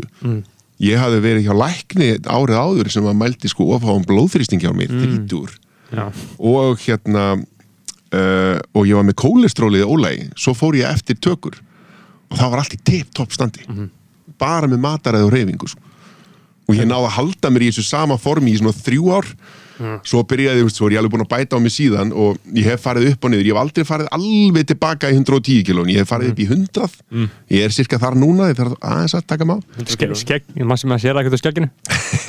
Mitt. Þarna, svartarleik, hún var tekin upp 2011 og kom út veginn 2012 2012, já. Já, Klassa mynd, ég man alltaf eftir henni, ég man alltaf eftir einhver ógæðslegri senu þar sem einhver gaur er að þrýfa tippi á sér einhverjum vaski já, Eh, já, já Ég held að hafi verið þískileikarin, uh, nei, hvað hvað- hann er íslenskur, Hann er kall, íslenskur, kallast sig Damon Younger, heitir Áskir einmitt. Nú kallar hann sig það, heitir hann það ekki? Já, það var á tímabili sko, ef þú læriðir leiklist í London sem hann gerði og sumir þá sko var pressa svo mikið á það fólk þegar það skráið sér í leikarafélagið í Bretlandi Já. að vera með nafn sem hægt er að segja bara. Einmitt. Og Ásgeir Þórðarsson með þotni og eitthvað bara Já. gengur ekki upp sko. Vá, vissi þetta þannig að íslenski leikara voru svolítið sem lærið úti, voru að velja sér önnu nöfn. Fæstir af þeim notuðu þau þetta heima en þú veist, hann gerði það og, og það, það er sérst ástæðan sko, þetta kemur frá því Einmitt. Ég, er bara, ég hlustaði á þarna, heldur gott uh, viðtal við Stefán Mána sem að skrifa svartur á leik sko. Og hann var að tala um þarna, það var svona í svolítið vondu skapi eh, gegn, gegn gangandi hjá honum í viðtali sko. það e eitthvað dabur á því sko, og talaði um sko, að fyrir svartur leik þá hafa fengið uh, sára lítið kredit og enn minni pening það? Já, Ég meina, lítið kredit, hann skrifaði bókina. Já ég veit það þetta, Hvað var bara, meira kredit viltu? þetta var bara eitthvað sem hann sagði. Hvernig er þetta að fá meira kredit en það? Þetta, hann var eitthvað svona spurður eitthvað já, Hann skrifaði bókina, það kemur fram. Hvað viltu?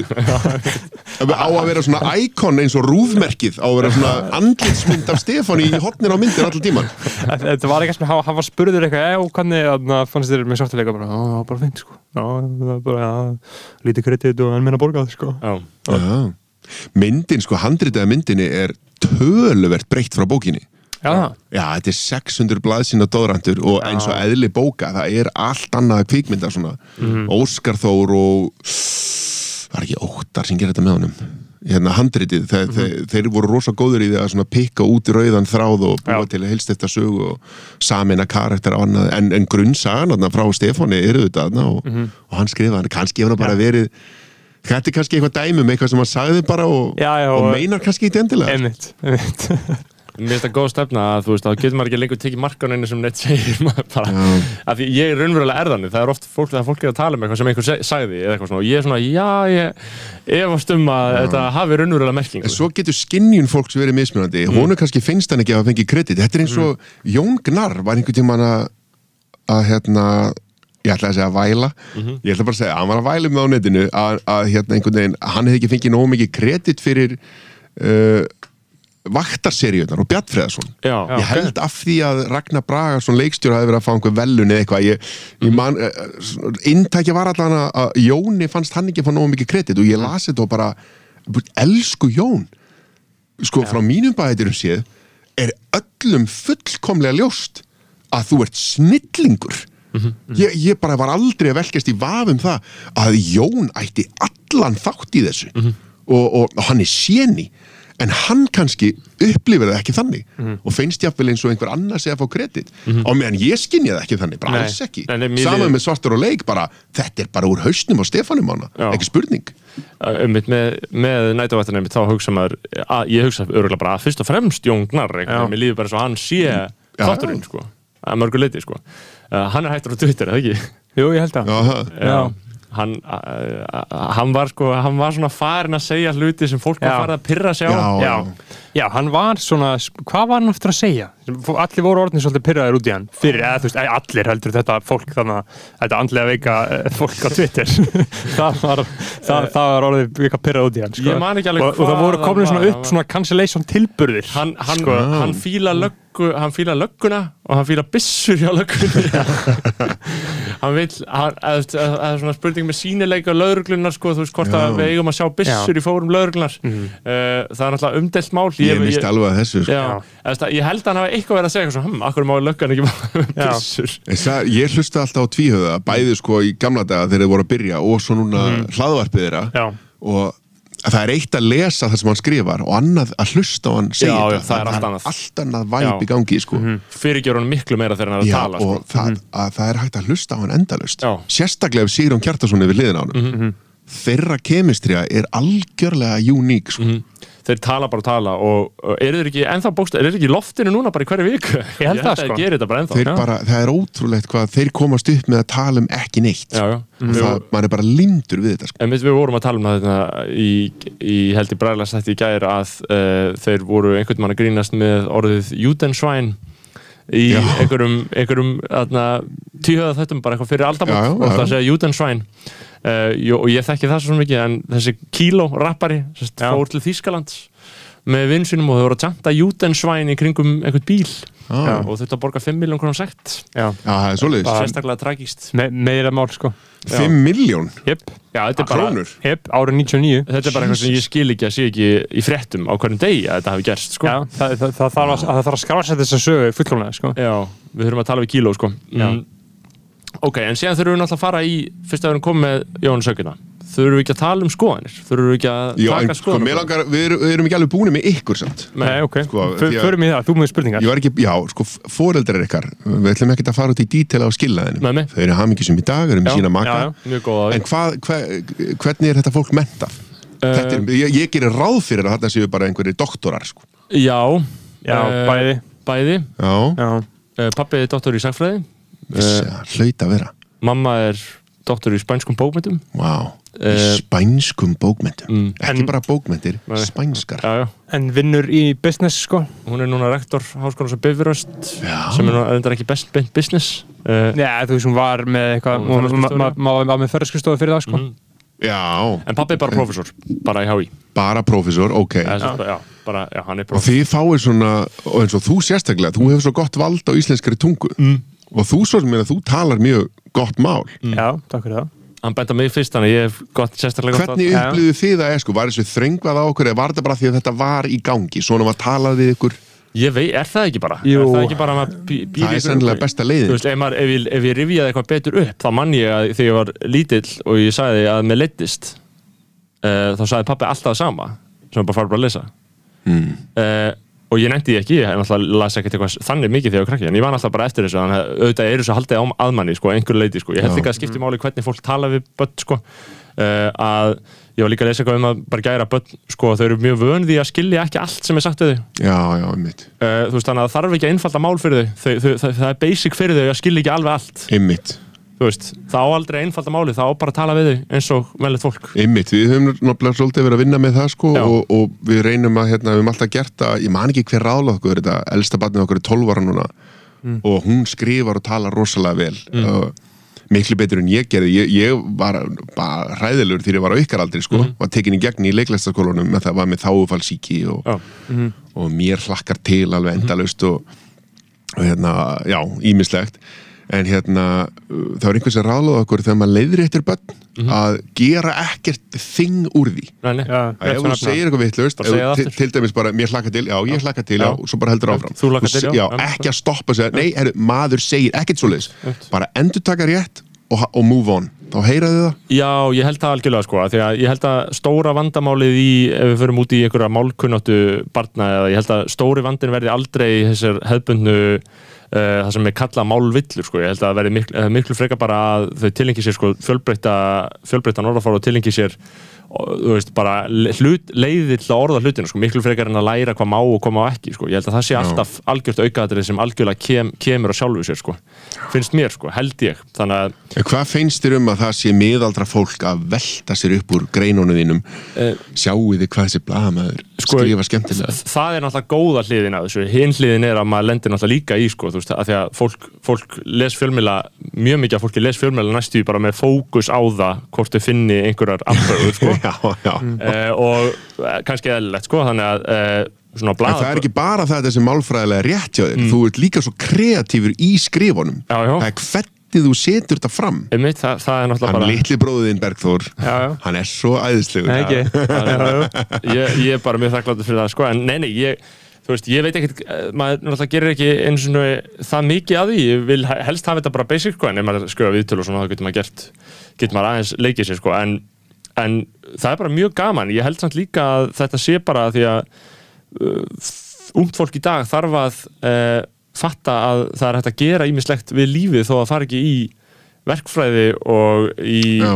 í viðskiptafræði alltaf fokkin leðilega shit uh, og maður getur unni við ímislegt sko. Maður getur orðið leikari eða, eða fjölmjölamæður eða rítöfundur eða hvernig sem það er sko. ég held að uh, þetta var ekki algjörlega ljóst þegar maður var sjálfur í mentaskóla það voru allir að tala um bara eitthvað annað að fara í þessa hefbundugreinar Ertu búin að skrifa bók? Nei. Er hún í skúfunni? Beggi er að skrifa bók Já Er það ekki? Nei, svona, þú veist ja, svona bæ- bæði og sko huga að því Þú, það hefur komið fram að þú ert umbóðsmaður fyrir einhverja rappara, svo kom aldrei inn í dítelar. Hvað við að tala um hérna? Ertu bara með Uh, einhverja 20 manns eða ertu bara með 1, 2 eða hvað? Nei, ég er með þarna, sem sagt, uh, hljómsveituna Up og rapparan Byrni Ok, sé sagt, um þessi mál sem uh, umbóðsmaður og útgefandi Mm. fyrir þá fyrir, já, fyrir þá þess að þeirra á kallmenn og, þarna, og það er bara, ég meina, hvað viltu vita? af hverju hatar þau konur? Uh, það er náttúrulega bara maður el, elst upp í samfélagi sem að kúar konur Mm. og, og, það- og allir það smitist ekki inn í allar fruminar líka og smátt að smátt sko. Þú ert bara held ekki af hvern fyrir litningu. Já, og þess vegna er ég bara mjög hver fyrir litin sko. Þeir eru alltaf, þeir eru skildir hérna eins og kom fram um daginn, uh, Tómasar Þór, Þóra hefur komið í þáttinn. Og Kristín, bara sóli eftir. Bara sólega eftir. Já, Þó, ég hérna, Þóra Tómasdóttir var, þegar ég var í leiklistaskóla 2000 og ég var hérna 2001 til 2005 þá Mm. kom hún þegar við vorum með kvikmyndaverkefni. Hilmar Oddsson var kennarinn og hún var kamerumæður já, hún Þóra, já, á sín tíma. Pínu lítill og bara massa þetta með alla græðunar og kameruna, rísa kamera á öxlinni sko. helviti skemmtileg og, og viðkonuleg kona. Það er góð sá, 2003 eitthvað hannig Já, hörku blaðamæður, hún var náttúrulega Já. svo sem að byrti brefinas Jóns Baldvins. Já, já, hún fokkaði honum upp sko. Það er nú eitt sko. Ha- hafið þið lesið þessi bref já, Já. og það er nefnilega máli, þe- þessi bref voru byrt ef þú lest þessi bref hann, er, hann er döður fyrir mér. Já, þetta er bara hands down. Já. mér er alveg sama um svo er þetta eitthvað fyrnt hérna, bla bla bla. ég er búin að lesa þetta bref þú skrifaði það, það er, það er staðreind þú ert döður fyrir mér punktur, Já, já. þú gerir ekki svona. Sko ég, ég, þetta er bara borðleggjandi mál. Já. Já. ég held að ég held að það sé nefnilega það sem svona fjölmjölun þarf ofta að snúast um sko, þú veist, það er bara fáðu bara hlutin, bara bréfið. Já. Það, bara, það þarf ekkert annað en bara þetta er bréfið, bara, Það- já, ég legg það bara á borðið það er ekkert annað sem þarf. Nei, nei. það þarf En- ekki útskýringar eða tímapunkta eða En þetta, það, það virkaði hjá honum. Hann er ekkit, hann er ekkit döður fyrir öllum. Fyrir rosalega mörgum samt. Já, ég, hann á ekkert einhverja greiða guttu í samfélaginu held ég sko Já, þú veist, Eh. hann er samtalið færa hvenær fór hann aftur í hérna, já, kannski fyrir tveimur árum þegar mætti með blöðin og bara rúf já, en það er ekki eins og að sé verið að taka hann í eitthvað Hann- skoðanabræður Nei, nei, nei, hann, nei, ég hann veit það, hann er ekki sendið þeirra stöðu lengur eða Nei, neitt nei. svoleiðis sko. Þetta er, Mm. þetta er uh, já, algjörlega hann er, hann er cancelled, sko. Hann Já. er cancelled Þó að manni finnst ef einhverjum finnst cancel kultúr ekki í lægi og svona þannig er hann fullkomlega réttlæðanlegur Mm. já, já, uh, finnst Þetta er bara eins og með barnanýðinga og svona bara, þessa menn má skjóta Mm. það er bara þannig það, það er svona konsensus um það í samfélaginu að, við, Já. að það er svona ákveðnir ákveðnir glæpar sem eru engan veginn uh, Já. réttlæðilegi, sko Og mér finnst- en, mér það er líka alltaf að fara fram umræða um það skilur hvort að það eigi bara að skjóta menn eða bara reyna að fara með þá inn á einhverja staði það sem er hægt að gera það betra fólki, sko. Já, það fer, það fer allt eftir því sko. En, Eh. uh, og líka bara eins og bara með leikara fullt af leikara er alltaf að vera cancelled. Hva, hvað finnst þér um það, Jónis? John, Johnny Depp, Já. Shia- Shia Shia LaBeouf núna? Og Fyrir fyrir nú er bara að cancela sjæja Já, já, eða Fyrir þú veist eða, skilur hann alltaf hún uh, mjög leiðilegt mál sko. Uh, FG Twigs, söngunan, kæristan hans sko. Já, Eh, það hún, hún, já, hún, hún fór aðna, hún er búin að lausa ekki hann sko fyrir bara andlið ofbeldi sko. Og hann, hann svaraði bara ég bara beiti sjálf mig og alla sem ég þekkt andlið ofbeldi. Þannig hef ég alltaf verið. En þannig er þetta náttúrulega, þetta er ekki leikara, eða, veist, jú, jú, þau eru leikarar, en þau eru fyrst og fremst celebrities í, Já. í þessu samingi, sko. Þetta er eitthvað svo langt frá mér að ég, veist, ég er bara alveg á sama stað við með þetta, sko. en, en Bara eitthvað sem maður horfir á, á Já. úr fjarlæð, sko. en bara eins og MeToo, MeToo reyfingin inn á Íslandi skilur hvernig var það? Var þetta mikið, var þetta mikið uppgjör, var mikið Ég, ég, breyting var sem átti komin, stað? ég var komin í sko erlendar uh, kvikmyndir og sjónvarsætti 2014 þannig að þetta fór bara algjörlega fram með mér sko. Einmitt. En það hefur nú samt verið að gera upp uh, tíma sem að þú varst mjög aktífur Það ekki? Uh, Jú, öruglega, jú, jú, jú, jú, það er alveg rétt fullt- af vinuðinum og Já, sko, vinkonum. ég, meina, ég var aldrei ég held að þessi eðli svona hluta að þeir fara lengt með það sem að stunda þetta og Mhm. ég get ekki sagt að ég hafa eitthvað mikið enda ég er kallmaður sko þannig að ég lendi ekkit í neinu og Nei. ég sá svo sem ekkit heldur Mhm. en hérna, en jú, jú, svo las maður þessar sögur og einhver verkefnin sem að vera að tala um kannast maður við og bara já, ok, það, einhver hefur upplifað þetta svona og, Mhm. Og það er bara þið besta mála að það skildi vera gert upp þá. Og Mhm. Já, þannig að svo ég hefur maður heyrt líka sögur af sko eldri tíma, ég er náttúrulega útskrifast 2005 og það er oft talað um sko the 90s sem einhvern rosa tíma líka sko, Já, já. þar sem alls konar uh, vesinn var í gangi sko. Að, Já, það var að- það ver, ver, versti Já, tíminn í veist, ég veit ekki hvaða mæli hvaða maður á að leggja á það sko. Mhm. En alla, í öllu falli bara gott að fólk stýi fram með hérna Mhm. ásakanir og, og þá helst gangi bara alla leið með það. Ef eitthvað er kærumál þá bara kærum þið og Já, algjörlega. Klára málið. En á lettar nótum, hvað hefur eftir að ræða? Við þurfum að, að því að þú, þú talum að, að skoðanir sem leikari þú veist, að þú Já. að færa þið frá því og setja mm róaði með það eh, og ég get samt haft skoðanir á sko sarpnum að rúf Já, já, svo eitthvað Rúf. Það er líka bara mesta fucking bullshit sem ég veit sem er svona um safe að vera á Já. móti já, Já. já, En já. En, en, þú veist um, en finnur eitthvað maður fyrir því að þú sért eitthvað svona smá bara, að ég bara nenn ekki að blanda mér í þetta dæmi er það, er það tilfinningin færið það? algjörlega, já, já, já, já, ég er oft hérna og ég er meira svo oft búin að skrifa hluti og svo Já. bara Nei, nei, nei, nei, þú þarft ekkert að pósta þessu Já. neinstaðar En ég hugsa, skilur, hugsaðu ekki þú veist, þá að þú sért að gefast upp, skilur, Nei, ég meina þú... því að, nei, gefast upp. Ég, Það eina sem ég er að gera er að það orðið sem ég læriði frá ykkur, ég er bara að gasa Já. Ég fæ alveg það sama út úr því að ringja í vin minn og gasa um þetta með honum. Og hann er jáfnvel sammála á mér og við erum bara Já, já, já, já, já. Þetta er fárálegt Þannig að hérna, ég þarf ekkert að gera það á netinu eitthvað að fyrir að fyrsta þá ringi, ég er ekkert að fara að breyta skoðun hjá einum eða neinum. Ég er ekki að fara að sannfæra neitt um eitthvað annað en það sem honum finnst. Einmitt. ég er bara að fara að skapa mér óvild og mögulega skemma skemma upplifun einhvers sem er að horfa á Martin. Já.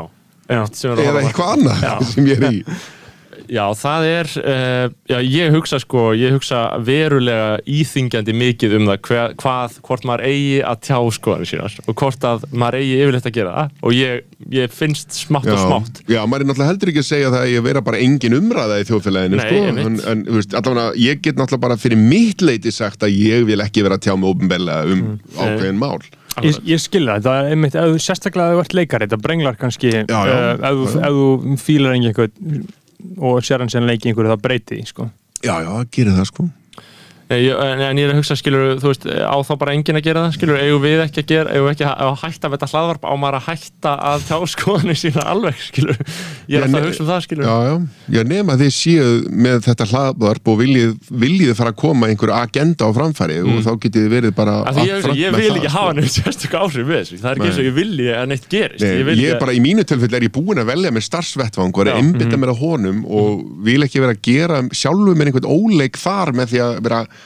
að gasa eitthvað bull sko annar staðar og talandi um þetta orð gasa sem ég lærði, ég lærði gasa og gún Já, já. Já. gún eru bara, er það ekki rétt um svona Svona- bara Ég er ekki gún. Nei, nei, nei, Nei, nei. Gú- gúns eru- svona, uh, 17 ára- strákar frá svona 16 upp í kannski 21 spjátrungar Já, villigrísir, myndi erpur kalla á, sko. Já, villigri, já, ég skil Já. þetta, já, það Já. er goons Goons eru að, veipa Og og... gasa er náttúrulega fyrir að vísa í lauruglu þjónin í mótmælanum Nei, það er í raun og En það er svo fullkomi myndlíking. Já, Það er já. fólk aðna sem er, er bara að gera eitthvað og hann mætir óum beðin og bara gas, gas! og er að sprauta yfir alla Mér finnst og alveg bara, að, já, þetta er fullkomi í raun og myndlíking. veru, ef ég væri fyrir rétti og ég þurfti að segja, þú veist, það er, af hverju eru þið hérna ítrekkað að tala um gas? Þá myndi ég segja, við erum að tala um uh, mótmælein í kjálfar Já. efnahagsrönnsins uh, þegar það kom lögreglu þjótt en og gasi við fólk, Já, gas. óumbeðin Já, algjörlega, við erum að tala um það í raun og veru, en einhver getur líka talið að við værum að vísa í gasklefa Já, það, það var eitthvað svona Það er eh, einhver upptök þar. upprunni orðsins er einhvers staðar ásveit Já. 1943 Já, kom, þá, kom ertu, staðar þá þar sko. ertu sko að hóa fólki nauðugu saman Mhm. og gasa skoðunni þínum yfir það Já. þar sem Já, getur já. enga björg sér veitt hitti miklu já. af því að Það það, er bara fólk í einhverjum allt öðrum erindagjörðum Mhm. þú ert mættur þarna til þeirra þau vilja ekki heyra þetta Einmitt. en þú gasar yfir það. Ég held að þetta Já. ætti bara að vera nýja í raun- Þetta eru Já, þetta- Ég er svona það. svolítið bæði, bæði skildi sko. þetta 100% svona sko um, en, en þetta orð hefur tekið við sér sko, þannig að uh, fólk segir þetta uh, sem er bara gott Já, og það er bara bara- gott að segja að sé þetta, þessi merking sko, Já. gasið á austuvelli sko. Það er líka, sko, eina ástæðan fyrir því að mér er svo gaman að hlusta á ykkur og fólki sem ég tala við er að því að nú er ég færtur Mhm. og aldur færist bara yfir mann Mm. mér finnst sko, mér líður alveg á einhverjum hluta, á einhverju leiti eins og mér leið þegar ég var tvítur Mhm. nema mér finnst ég þroskar, ég veit ég þroskar ef maður er búin að átta svo ímsu og Mm. læra ímislegt og en mér finnst þið vera svona eitthvað mitt á milli þið eru á leiðinni, þið eru alveg að vera fullornir Já. en þeir eru líka ennþá bara einhverjir unglingar sko. Já, og þetta ég, er svo áhugaverður staður sem er þá, það er eins og þið, þið eru alltaf í einhverju svona pælingu sko. já, ég er með mikið þetta sjálfshatur og þunglindið með síman og vaknar og það fyrsta sem þú gerir er að horfa á. Instagramið og allt þetta Ég er með mikið aldurskvíða sko. það er, menn er orðin hrætti við að verða orðin gamli sko. Það- Bæ- hann 25 það er svolítið skeri að vera svona gammal sko. Já Ég finn en fyrir akkur er það skeri, Hva, hvað gerist? sko, ég held að uh, ég held að um, þetta sem snúðist miklu meira frekar en sko um að, um að koma, koma til fótur í lífunum, ég meina ef maður á ef maður á, uh, ef maður er vinnu, maka, húsnæði og eitthvað svona, skilur ég held að það reddist alveg, en hjá mér er þetta miklu meira sko að ég er að vera gamall í merkingunni, þú veist uh, ekki lengur ungt fólk ég nenn, ég, mel- þú veist, ég, það er svo mikið hlut að sjálfsmyndin minna að vera ungur sko. Já, já, einmitt, ég man eftir þessu transitioni það gerðist fyrir nokkrum ári hjá mér uh, þetta er aðeins öðruvísi í leikhúsuna því að þegar þú byrjar, maður byrjar 25 þar sko Já, Já. uh, allavega í mínu tilfelli og marga þegar maður er búið með námið og maður er að leika strákana, ungu hlutverkin Já. allt þetta, maður er ekkert að leika pappan alls ekki, svo bara eftir ákveðin tíma dónið 30 eitthvað, þá allt í einu ert ekki að leika unga fólki Já. lengur Nei. og allt í einu eru komnir aðrir nýjútskrifaðar og allt í einu ertu frændin Mhm. svo ertu pappin og það bara, já ég er bara ekkert einn af þessum ungu og ég man eftir þessu tímabili og þetta er skrítið Já. svo byrjar maður bara að fíla. Það. Mér finnst bara gaman núna ég er kall, ég er bara fertur og ég er maður, það er bara frábært. Akkurat þetta hérna, það er ekkert að óttast strákar. Já, ég er bara, ég er bara mjög fegin. Ég, ég, held að, ég held að maður muni þetta verði alltaf læg, sko, þetta, maður hlýtur að blómstra bara og og, það breytist líka því nú sá ég það er gott skýrt dæmi hjá þér Bergþór. Þú varst að, þú varst að gasa á Twitter. Já. eitthvað um eitthvað í vestubælaugin eitthvað sem að mér gæti ekki verið meiri Sá- saman um. sánan, þetta var Já. sko því að núna ertu ungur Já. Og þegar maður er ungur þá upplifir maður þegar maður sér eitthvað svona gallað. Byrju, byrju, þetta er fáralegt mm mér finnst þetta, okkur er þetta ekki svona? Þá ert þú bara svona ungur að gaggrina kerfið. Svo bara smátt og smátt, ertu allt í orðin færtugur og þú ert kannski að gera nákvæmlega sama þá ertu bara gamalt kalla veit það. og það er bara hvernig samfélagir persívar þig sko já, þú tala að gagna Já. það saman ég gæti verið að segja Já. sama hlut og þú en ég er þá bara einhver kalla nöldra og meðan þú ert eitthvað ungur og edgi að benda á hvað er að systeminu þetta er nákvæmlega er hlutur En ég meina þetta er bara sundlöðunar opna eftir þrjá mánuði. Þeir eru búin að vera lokaðir í þrjá mánuði. Ég fer í vesturbálauginu morgun, bara ógeðslega spenntur að koma sér í sánu. Ekki koma sér í sánu í þrjá mánuði. Þú, er bara, er bara slögt á hann, hún er bara lokuð. Og ég er bara fyrir að spyrja afkvæmstunni, mm. herru, hvað, hvað er málum með sánuna, og hvað var, er hún í Já, hún segir bara að það hafi verið að laga hann, ég bara, ok. Um, hvað- gáttuð ekki gert það og já. með þetta var lokað? Ég, ég, það, það var það sem ég hugsaði en ég sagði hann ekki. Sagði það ekki, ég vildi ekki vera þetta dónalur er náttúrulega ekki, þetta er ekki afsakanlegt. Já, og, og síðan þá spurði ég bara, ok, er hann þá löguð á morgun eða, veist, bara, ég veit ekki. Bara, en þú veist, svo erum við mikið að tala um viku flott, og bara fer. Og fer síðan bara, uh, lifi minn. Hugsa sér um kvöldið, ég verða að koma sér sánu. Þannig ég fer í sundöllina nákvæmlega það sama það. sánan var lokuð út af einhverju klór stí og engin vissi hvernig var lög, lög. hún er búið að laga hana, það er ekki búið að laga í en Vesturbæðinni það sem er að hugsa einmitt tveir mánuðir Já. sem eru búin að loka lögar já, já. ég er með samsæriskenningu um að þið viljandi geymið viðgerðirnar þar til sundlaugin opnar að þið, ég veit ekki, þið viljið bara vera heima En er þetta ekki bara að því þetta er ekki enga fyrirtæki? Jú, Þeim, þú veist, það á engin neitt undir því að fólk mæti og veit, stundi viðskipti. og, nei, og að, að fólk mæti og geti farið í, í sánuna skilur, það er bara öllum alveg drullu saman að fólk geti Þannig að farið í það, það sánuna bregst ekki við fyrir það er vandamál og einhver kvartar. Já, það er engin að hugsa preemptive, bara heyrðu ok, við erum að opna miðvikudaginn, hvernig er klóstíð í sánunni? Já. Hvernig er það? Komist það í núna? Einmitt. Já. Og lagið þetta? þa- þa- Þetta er eins í vesturbölunni þá er þess að grímuskylda til að fara inn ánum fyrir klefan og það stendur að bara gæði grímuskylda og gríma kostar 300 kall í afgriðslu Mm. ef þú ert ekki með grímu, þá ert að kaupa þér grímu fyrir 300 kall. Ímyndið ykkur ef eitthvað einhvað fyrirtæki væri með þetta þú vantilega vilt bara gefa fólki grímu til að koma inn og gefa þér pening Já, já. þú veist, ég bara ég er- Ég tók svo mikið að grímu með mér heim að því að í próduksjónu hérna á Írlandi Já. þá var, dældu er grímum í okkur ég Já. hef ekki ennþá þurft að kaupa grímu og ég hugsa, ok, ég er að fara heim það er enginn að fara að gefa mér grímur þar en ég tók með mér rísa bakka Já, ég elska, ég elska grímur, ég elska að það eru grímur gef- gefins einhvers staðar, þá tek ég Já. einu. Og ég með alla vasa fulla af þessum gríma þegar mér sem ekki trámaði að koma á staði þar sem þú ert ekki með grímu og þú þarft grímu sko. En nú er svo stutt í þessi búið ég ætla, svoleið, ég ætla að vera fyrstur í röðinni að fá þetta Já, ég ætla að sprauta þið inn. í mig sko. Ég nenni ekki þessu kjaftaði lengur þessu en sko, en ég meina þú veist eins og, eins og uh, fyrir fyrir uh, okkar, fyrir mitt leiti þá hefur þetta verið uh, sko langmest íþingjandi því leiti að það er ekki skemmtstæður á hlunir, fólk hefur ekki hitt að djama Já, og það breytir. hefur verið bara, þú veist, þetta er bara risa stórt vandamál fyrir fólk á mínum aldrei hefur verið bara núna í heilt ár. Djöfull, það hlakkar í mér að heyra þetta sko. en þú veist, ég er að hugsa hvert vandamáli þitt hefur verið, hvað, hvað finnst þið vanda í lífið? Já, ymmið, þetta snertir fólk mismunandi. Einhver lokun veitingastað og skemmtistað bara breytti engu fyrir mig. Nei, nei, ekki neinu. Ekki eins og smá? Nei, Nei. ég fer aldrei á svona staði, Nei. aldrei. Einmitt. ég bara hef annað, ég reyna að fá svefn ef ég get um helgar. Og hérna, þannig að það breyti engu, bara ég nenni þess ekki. Og hérna það sem að skipti máli fyrir mig voru svona skólaraskanir og frístundastarf barna og svona þar er maður alveg brjálaður yfir það. Veit, mér get ekki verið meira. Þar var ég brjálaði sko, og, og þar eru, þar er, er annað sem að ég held mögulega að vera að vísa í þarna með þínum ummælum um mínar lélugu skoðanir. Ég held að vera að tala um því ég er á móti Secret Solstice. Já, við, við eigum eftir að tala um það. Ég er bara, ég aðna, var, í, í sundi með vinnum mínum og sagði að Jónas Haugur að koma í þáttinn og sagði hann, ok, aðna, uh, ég, og þið verða að tala um Secret Solstice. Já, það er bara mjög einfalt. Og, og hann kallaði þig helsta talsmann gegn Secret Solstice á Íslandi. það, það, það er svo mikill miskilningur þarna, það er vegna þess að ég er leikari og er þekktur fyrir Já. eitthvað þannig að þegar ég segi eitthvað svona Já. þá magnast það svo mikið upp. Já, ég er mín, mín ósætti við Secret Solstice ná ekkert lengri en það að ég er bara, já, heim á laugarsvegi sem er alveg við dalinn. Og íþróttastarf barnana minna raskast í þrjár vikur á meðan þetta er.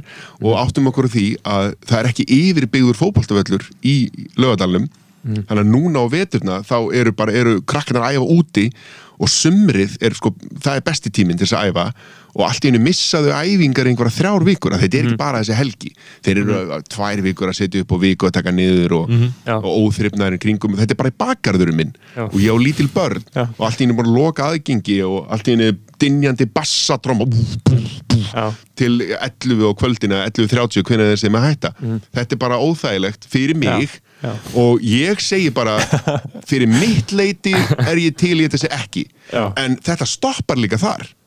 Ég fer ekkert lengra, ég er ekkert í neinum samtökum, Já. ég er ekki að senda neinn bref, ég segi bara mitt atkvæði segi nei já, og ef að meiri hlutin vill þetta og þetta er þarna bara fæn, þá er það bara þannig þá sætti ég mig bara við það. Já. En, en, en, hérna- þú fórst ekki að gera neitt í Nei, en að því ég tjáum um það, Já. gerði það hérna, sem ég hefði kannski ekki gott að gera þá magnast það upp að það kemur leikarinn Jóhannes Haugur, bla bla bla og þá virðist þetta vera miklu meiri andstaða en þetta er. En hérna og ég, þannig- ég skil þín rauk bara fullkomlega Með já, Secret en- bara svona horfur þetta við frá mér en, og ef það kemur á móti, en, já, en það kemur svona mikill peningur og þú veist, þeir vilja þetta, bara ok, fæn, gera þetta þá. Þú veist, ég, ég er ekki að fara að standa með skiltið þarna. Nei. bara, þá er þetta bara svona, ég skal bara lifa með því. Allt í góðu, sko. En mitt atkvæði er nei, that's all I'm saying. Skrifaði status 2018 eða 19 eða hvað þannig þetta er einmitt eftir að ég var búin að lofa að halda kjafti sko.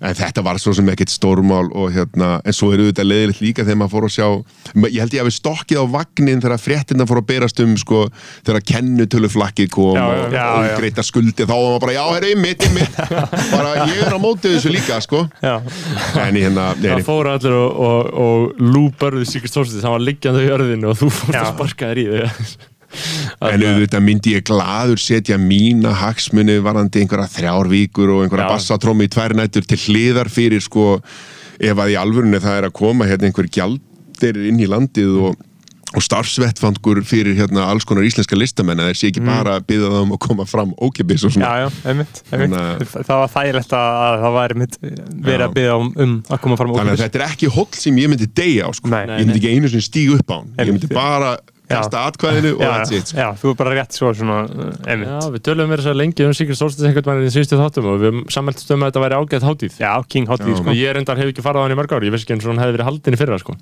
uh, Já, hún var haldin Jú, hún var haldin. 2019 Hún var haldin Já. 2009, þú ég hlustaði á hef alveg líka notið þess að sko hérna vera þetta á svölum og hlusta sko Já, þannig að þetta er ekki alls þú, þú farið þetta, þú farið þetta í gegnum það Þannig að En byrju, hvað voru að tala um? Voru ekki að tala um liðlega sko? Jú, einmitt, að, að tjá þetta ekki og bara vera safe Ég held að það sé leiðin, sko uh, ég var líka alltaf að ég var einhvern veginn utan á forsíðu DFF mm.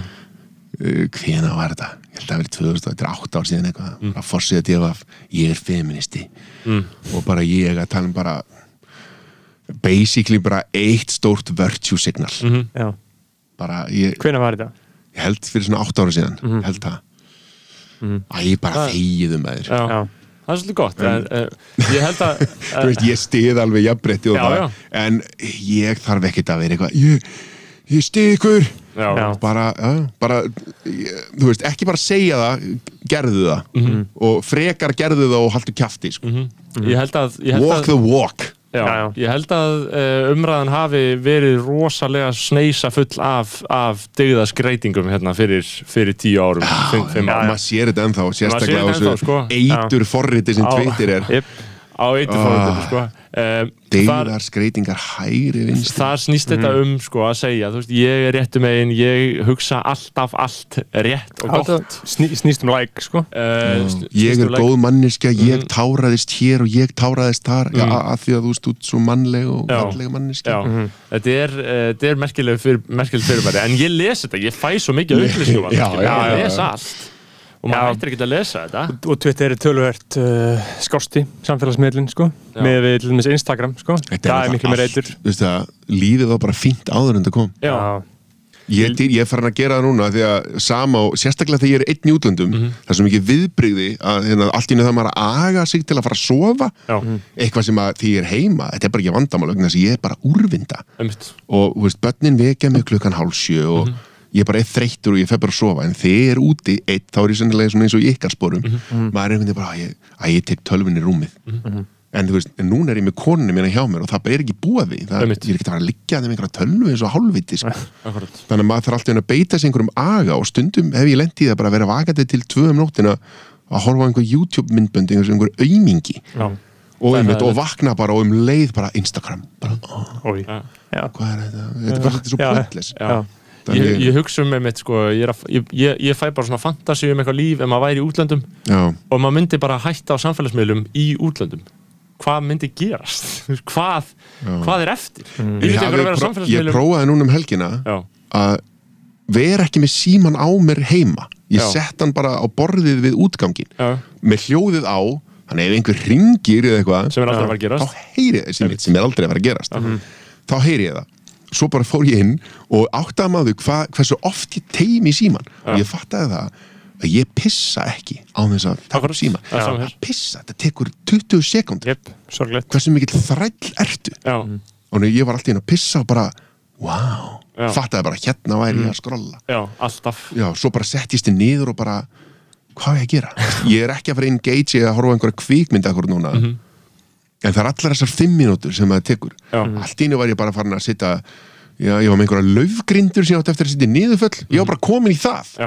Svo fór ég að raka lauf út í garði og mm ríksjúaði og ég bara hafði alltaf hennar tíma sem að maður bara eitrar lífsitt með, með þessu símtæki sko. Já, það er magnað, ég hef fj- fjóra klukkustundir og 20 mínútur á dag. Uh, Þetta getur farið bara eitthvað allt annað. Kannski klukkutíma af þessu sé skynsalegt rast Já, klukkutíminu fyrir sko. Uh, Þrjára og hálf í, í rusl, sko. Svo er þetta nefnilega alltaf sömu vonbriðin þegar maður svo þegar maður er búið með heilan dag og svo bara, nú ætla ég að kíka á síman Já, Já. Nú Og er þið veistla Þá fer maður, þetta er bara eins og Þetta er bara eins og einhver Það er ekki neitt. Nei, Nei. aldrei nokkuð tíma. Og, og, og það eru veist, Tökum rannsókn. Já. Nú er ég búin að vera með airplane mode í einhvern einn og hálfan tíma. Já, svo hvað gerist. Ef að sjá hvort það býði mín einhver veistla Einhver hennar veistla. Já, já. Ekki neitt. Þú veist, börnin eru bara í skólanum og leikskóla. Já, Mögulega eru þau komin heim en ég meina, þú veist, þið sko, bjarga sér. forritin eru potið búin að búa til notification. Þau búa til bara eitthvað notification Ef þú fær ekki notification, þá búa þau það til, sko. Ok, ég sé að það komi einn tölvupóstur mm. Um hvað er hann? einn, það er frá ríkið skattstjóra að minna mig á skila greinar, þetta er eitthvað svona automated Já. þetta skiptir engum máli. Nei, ég get bara deleta þessu núna, ég þarf ekki einu svona að lesa þetta. Mhm. uh, en eitthvað annað? Instagram. Facebook, Instagram uh, já, heyrðu, það er hérna message frá nei, það er síðan áðan, það hvarf. Já, message frá reyndar hérna, ég, ég er að fara til Sölva Tryggva á morgun. Já. Heyrðu, þá þarf að byrta þetta. Ég vissi farið til hann strax. Ég sagði líka af hann, ég er að fara í skoðanabræður en ég sagði líka að þetta eru einu, tvö podcastin sem ég ætla í. Mm. Já, Er hann ég, nenn, ég nenn ekkert að fara að spjalla í fleiri klukkutíma við eitthvað lið út í bæ. Ég vissi að hann hlita að fá þig sko. Hann, hann byrti þið samt örgulega ekki fyrir sko Eftir allavega viku eða tvær Við þurfum að byrta undan sko Já, Þú fær fyrst á. Patreon já við, við byrtum þetta bara á föstnaði núna Já, á á Instagram eru fjórir ný... nei, þetta er gamalt, það er, það er einn nýra að followa mig Nice. og ekkert meir. Nei. Twitter ég er svo sem heldur ekki að setja neitt fram þarna sko. Nei, nei, en það er alltaf gaman. Það eru góði dagar þegar maður er búin að tweeta einhver ágætu og það eru margir að læka, sko, það er alltaf mjög skemmtilegt. Mér finnst það besta á Twitter er að mér er svo fucking skýt sama hver lækar þetta hjá mér. Þetta Mm. er alltaf bara eitthvað fólk uh, algjörlega ókunnugt. Engin notification á Twitter. Mm. þrjár á Facebook og hvað er þetta? Uh, já, þessi og þessi added to their stories. Þetta Ég- er ekki ég- notification, þetta varðar því ekki. ég Já. horfi ekki á stories í Facebook, ég, ég gera það ekki. Mhm. Þessi invited me to like einhverja blaðsíðu Mm. og já, þetta, bara, þetta, þetta skiptir engum máli Þetta skiptir engum máli sko, það var eh, engin veistla sem beð mín Nei, nei, ég er spenntur eftir að kíkja hvort, hva, hvað býður mín. Það er pottet, það er pottet svona þrý, fjóra hlutur sem ég vil skoða, sko, en það tekur tvær mínútur að afgreða. já. Um, eitt maður getur verið að skrolla endalust í þessu helviti skeft já, það er magna hvað, sko, þetta er hannað þannig að þetta er algjörlega botlaus hít, sko. já, Um, en það er eitt sem, sem ég langaði líka að spyrja um, að ég var að lesa um daginn, uh, gerði það fyrir þetta, það var einhver kona sem vinnur í tónlist hérna á Íslandi, hvort hún vinni í óperunni eða eh, einhver, einhvern veginn í kannski jafnvel uh, listaskólanum uh, í tónlist LHI söngarar, vinnur með söngara og hún var að tala um sérst, það var uh, stelpa sem söng þarna í óperunni um daginn sem heitir Álfeður eða eitthvað svona og allir voru voða hrifnir af já, svona, Já, uh, og hefur búið í Berlín lengi þessi stelpa og er bara voða þjálfuð og bara mjög flott. Og hún svona í tilefni að uh, þeirri svona uh, þessum svona 15 myndum af fræði sem þessi stúlka fekk og fær líklega meira en svona hún skaust svona upp á stjórnuheiminin Álfheiður Erla heitir hún Álfheiður Erla einhver, Guð- Guðmundsdóttir eða Magnúsdóttir. Uh, þá fór hann að tala um að fyrir söngvara á Íslandi fyrir þá bara fólk sem ætlar að leggja fyrir sér söng hvort það er kallar að konur og hvernig sem söngurinn er, þú veist, hvort þetta sé uh, ópera eða já, hvað er annað hægt að syngja? Uh, ópera hvað er annað þetta að syngja, meinar eða svona formlegt, skilur, sem er svona raunverulegt svona einhver vönduð list í söng, skilur svona, þú ert með sleggjuna á lofti hérna. ég er ekki að leið, þið veitir hvað ég við. Ég Ég er að um skilur, svona, að læra söng, að vera mentaður söng. Já, þú meinar eitthvað svona virðulegt. Já, eitthvað svona virðilegt Já, já. Það er ópera og, og eitthvað annað kannski sem ég, og bara vera svona sopran annar, eitthvað. þér finnst þess að bara aðrar söngunur vera, þær eru basically hórur.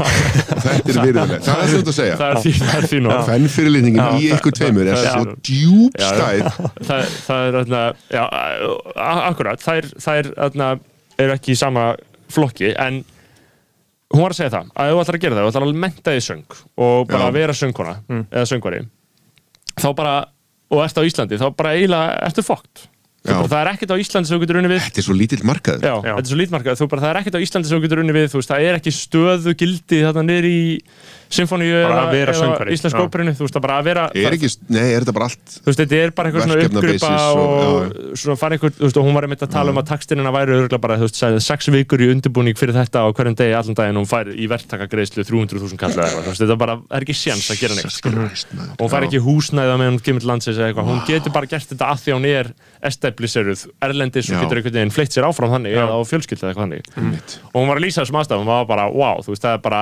það er bara, maður gæti, það gæti ekki verið að minna recommendable að leggja þetta fyrir sig, þú veist, þetta bara og ég var bara velta, velta þessu fyrir mér saman við leiklistina því að það er, blasir ekki alveg eins svört mynd við, sko. Það er svona Nei. alveg hugsalegt að þú getur unni við þetta. Já, en ég meina þó að ég held að þetta sé ekki það sem fólk pæli í sko. Þegar þú ert ungur og finnur einhverja svona uh, hvort er meira að kalla það köllun í lífinu, eitthvað sem tala svona tíðin eitthvað sem þú hefur svona mikið áhuga á þá hugsar ekki um já, byrju, hverjir eru nú samt atvinnum möguleikarnir og ég manna, ég meina fyrir mitt liti þegar ég sá fyrir mér að, að leiklistin væri eitthvað sem ég væri að fara að gera þá hugsaði ég bara um það að gera hana. Ekki hvar mögulegir markaðir væru hvað ég geti mögulega unni við. Það, það var bara ekki partur af pælingunni sko. ég held að sé það sama með söngvara.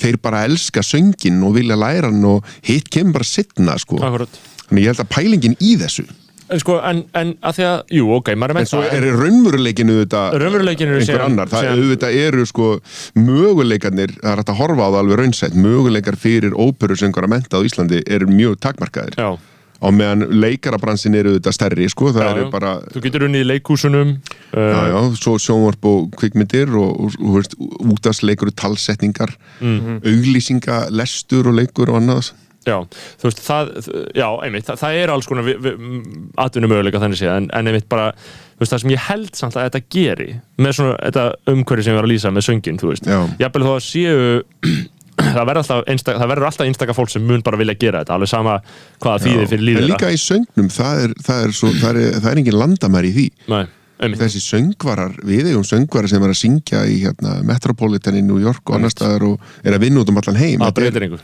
Nei, þetta lið lærar alltaf að syngja á ítölsku og þýsku og... Akkurat, já, ég held að það sé líka máli sko. en, en, Já. en ég held samt að þú veist þetta valdi því alltaf á endanum að því að e, hún var náttúrulega bara eitthvað að gaggrina þetta og, og, manni gæti náttúrulega í raun og veru ekki, ekki verið meira sama mér er alveg sama um, um hverju söngar á Íslandi skilur. Nei, nei, ég meina þetta er alveg eins að hugsa um, um umhverfi töframanna á Íslandi. Mhm. þeir bara því hvað við sem samfélag kunnum að meta, skilur ég myndi hafa miklu meira gaman að því að ég sá einhvern einhvern töframann leika sem einhverja kanínur og dúfur og eitthvað shit en að það er einhvern óperusöng. Já, Já. það- en þú veist, það bara er samt vekur ekki áhuga þinn. Nei, bara veikur ekki áhuga minn og þú veist og þá finnst mér alveg uh, ef að það búum 360 mann sinna uh, segjum sem svo að þúsund manns hafi áhuga á því að sjá einhvern óperusöngura þá er það bara flott og vonandi geta búið við en ef það eru bara 50 manns eða eitthvað, eitthvað minna en það þá finnst mér bara basic og getur ekki gert það.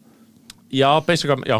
Eh, Þetta er bara Það spurningum Jú, að því að síðan væri það, þú veist, að því að halda ef ríki heldur uppi einhverju uh, einhverju atvinnugrin sem bara yfirstjættin fílar þá er það bara Já. massíft ríkis ofbeldi Ég er á móti að, því öllu sko En þú veist, að hvað er það annað? Þú veist, að, að mér, mér er á einhverju leiti fundist bara yfirleitt bara borgarleikus og þjóðleikusið Þjóðleikus, nei, borgarleikusið er náttúrulega ekki nærið jafn niðugreitt og þjóðleikusið Jú, Eh, veist, jú, það, algjörlega. Já, en ekki alveg jafn slæmt. Ég held að sé- ég held að sé meira sko. Nei, en borgarleikus er held ég aðeins meira fyrirtæki. Þú veist, ef að þeir fari í fokk þá geta þeir bara farað á hausinn. Þó myndir náttúrulega aldrei verið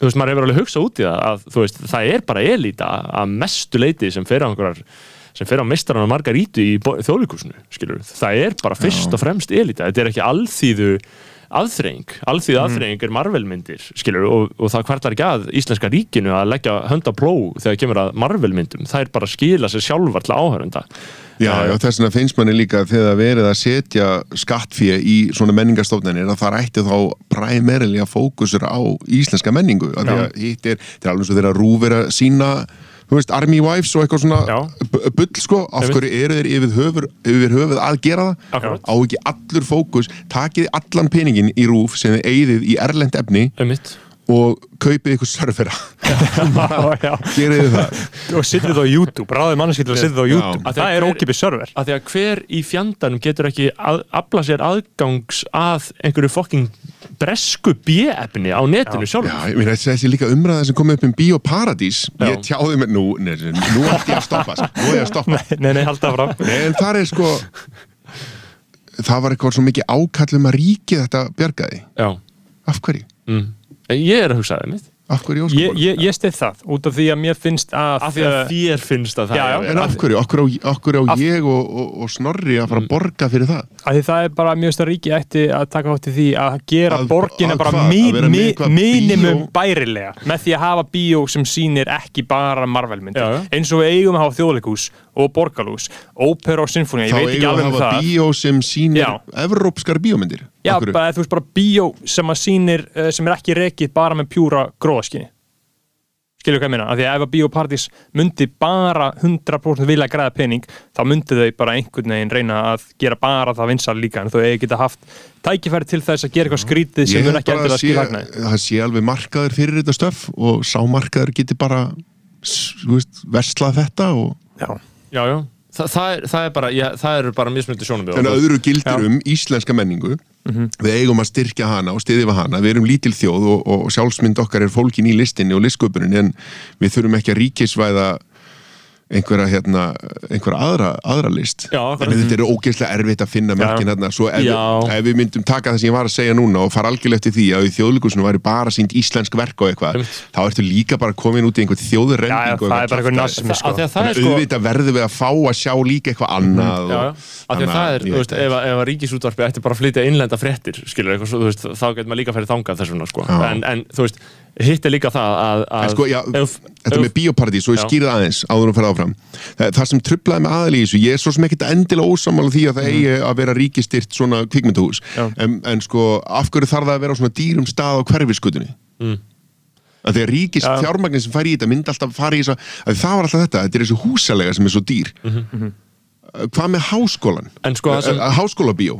Já, og það, það dæmi allt saman, getum við þá ekki bara að fara með þetta þanga En sko ég, ég, ég held að ég, meira ég var eitthvað bara að skrifa fréttum þetta MBL og það var þessi paradísstyrkur paradísstyrkur, þetta var borgin var nú þegar að styrkja þetta um frekar fokking mikið, þeir Já. hækkuðu þetta bara eitthvað aðeins, það var það sem gerðist þannig fyrir nokkrum mánuðum, sko, það var ekkert meira sko. hver er staðan þetta núna? uh, staðan er bara svo að þau bara halda áfram og bara, veist, Já. málið er að þetta er náttúrulega líka smá að borgin þetta er smá borgin að leifa einhverju fokkin leigufélagi að búlja sig skilur þeir, að þetta leigufélag var bara að hækka leiguna Já. og þessi leigufélag í Reykjavík eru náttúrulega bara held ég bara, þau eru alls ráðandi sko, maður getur ekki, ég er ekki að segja þessu eitthvað vandamál, þau séu vandamál, en þú veist, það, veist þau, eru, þau geta búlja fólk út í eitthvað svona og maður er búin að sjá það gerast sko, en ég veit heldur ekki, þú veist, ef að leigufélagi segir bara ok, ég ætla að vera þetta eða ekki, við erum að hækka verðið en þú veist, leigufélagi, hvað fær það þarna? þannig er að hækka verðið og bara Mhm. sópa meiri peningum úr borgarsjóðunum og í sína sjóðu, Já, skilur einmitt, einmitt. það er bara mjög vel hefnuð vegferð hjá þeim, sko Já. um, en með Bíóparadís, já, og, og sömulegis með þetta íslenska efni, því að þú veist, þú ert að skoða íslensk efni og, og, og, segja að íslenska ríkið er að styðja við íslenska framleiðslu og styðja við íslenska tungu yfirleitt, þetta eru allt, þú veist, þetta er ekkert allt algild uh, al, þetta er ekkert allt einhverjar algildar hugsunir sem öllum finnst góðar, veist, eins og ég var að segja það var einhver, einhver, einhver, einhvern mann sem ég heyrði einhvern susar að tala um það um, að sérst, uh, einhvern ungan sjálfstæðsmann að það, það eru svona hugmyndir um að sum finnst það að bara íslenska ríkið eigi ekki að vera vefjast í því að verja bara íslenska tungu. Íslenska ríkið eigi ekki að verja fjármagn í það. Ef að það gerist, ef að, ef að enska tekur yfir þá tekur enska bara yfir að það er bara að vera eitthvað organíst skilur þú veist hversu, hversu langt á að ganga í þessu þú veist, þetta er allt umdeinalegt skilur en það eru samt svona ágæni hlutir sem þú veist, það er allir sáttir við bara árnastofnun sér til Já. en þetta er risastort, risastort ríkisfyrirtæki árnastofnun skilur og, og alls konar svona batteri skilur, hversu langt göngum við fyrir íslenska menningu sko, og Já. Við í, í miðflokknum. Við viljum alltaf bara við viljum alltaf bara halda þessu. Æ, og síðan er þetta líka alltaf bara eftir sko, einhvers konar persónulegum skoðunum þegar þeir eru að vinna hjá þessu stofnun. Eins og til Já. dæmis bara það, þeir sem er að halda uppi íslenski tungu í dag, vantilega bara vinsalasta tónlistin. Mm. og það er bara rapparar skilur, heldur þú að að einhver sem er að vinna átnastofnun sem að, ólst ekki upp við að hlusta á rapp sé eitthvað að fara að skilja það hvað flónið er að segja og fara eitthvað að meta það sem eitthvað gott og gilt og við ættum einhvern veginn að styrkja hann eða Mm. lifta honum og samstarfsmönnum hans einhvern upp, veist, það- þetta er ekki þau að því að þetta er bara einhvern veginn svona, svo nýtt og það vantar einhvers konar uh, menningarlegan skilning já. þarna, fyrir þessu sko listsköpun, akkurat mikilvægt Já. Hva- hva- hva- Hvað finnst þér um listamálun, Jónas? Jó, og við verðum að hafa þið sko, að því að listamannalíninni eru þannig byggðu upp sem að sömur vilja virðast nú miskilja að þetta eru verkefnastyrkir. Fólk Já. sækir um út af einhverju ákveðnu fær, ver, fær styrk út af því og þarf að skila einhverjum árangri inn á milli er eitthvað alls konar kjaftaði sko. það, Ég- er alveg, það er alveg einhver hluti listamannalina sem fer bara í eitthvað Ég- djöfulsins Ég, ég lesi bara sorp. Já, og sé bara eitthvað, eitthvað dansverk og eitthvað skúltúr eitthvað, bara tíu miljonar og bara, nussa yfir því sko.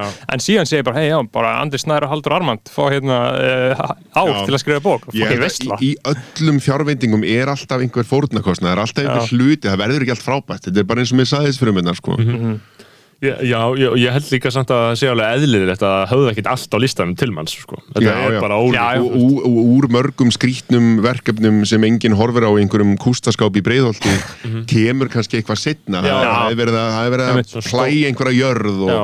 einhvern jarðveg sko, henda einhverjum fræjum og eitthvað af þessum fræjum verður bara ekki neitt. Já, en svo kemur eitthvað út úr þessu þannig að Já, við já. erum algjörlega að styðja við listir og styrkja þeir Ég meina að mörguleiti er þetta líka bara sama hugsun og bara, þú veist, við verðum að hafa skólakerfi hérna og það verður allir að fara í gegnum skólakerfi þá verður Já. ekki allir vísindamenn og Vi, snillíkar við hefum sko miklu fleka, frekar að sko, fjármununir sem eru settir í yfirbyggingu. Já, þar er, er sko, ef vandamálið er einhverstað, það var það þar, ef þú horfur á tjarnabíó þeir settu hvað var 80 miljónir meira? Þeir hérna græjuðu húsnæði þar, borgin sko. Einhverjar 80 miljónir í húsnæði ég, ég man ekki töl, getur vel verið þess að bylla þeir allan að tókuðu í gegn, hvað sem það kostaði.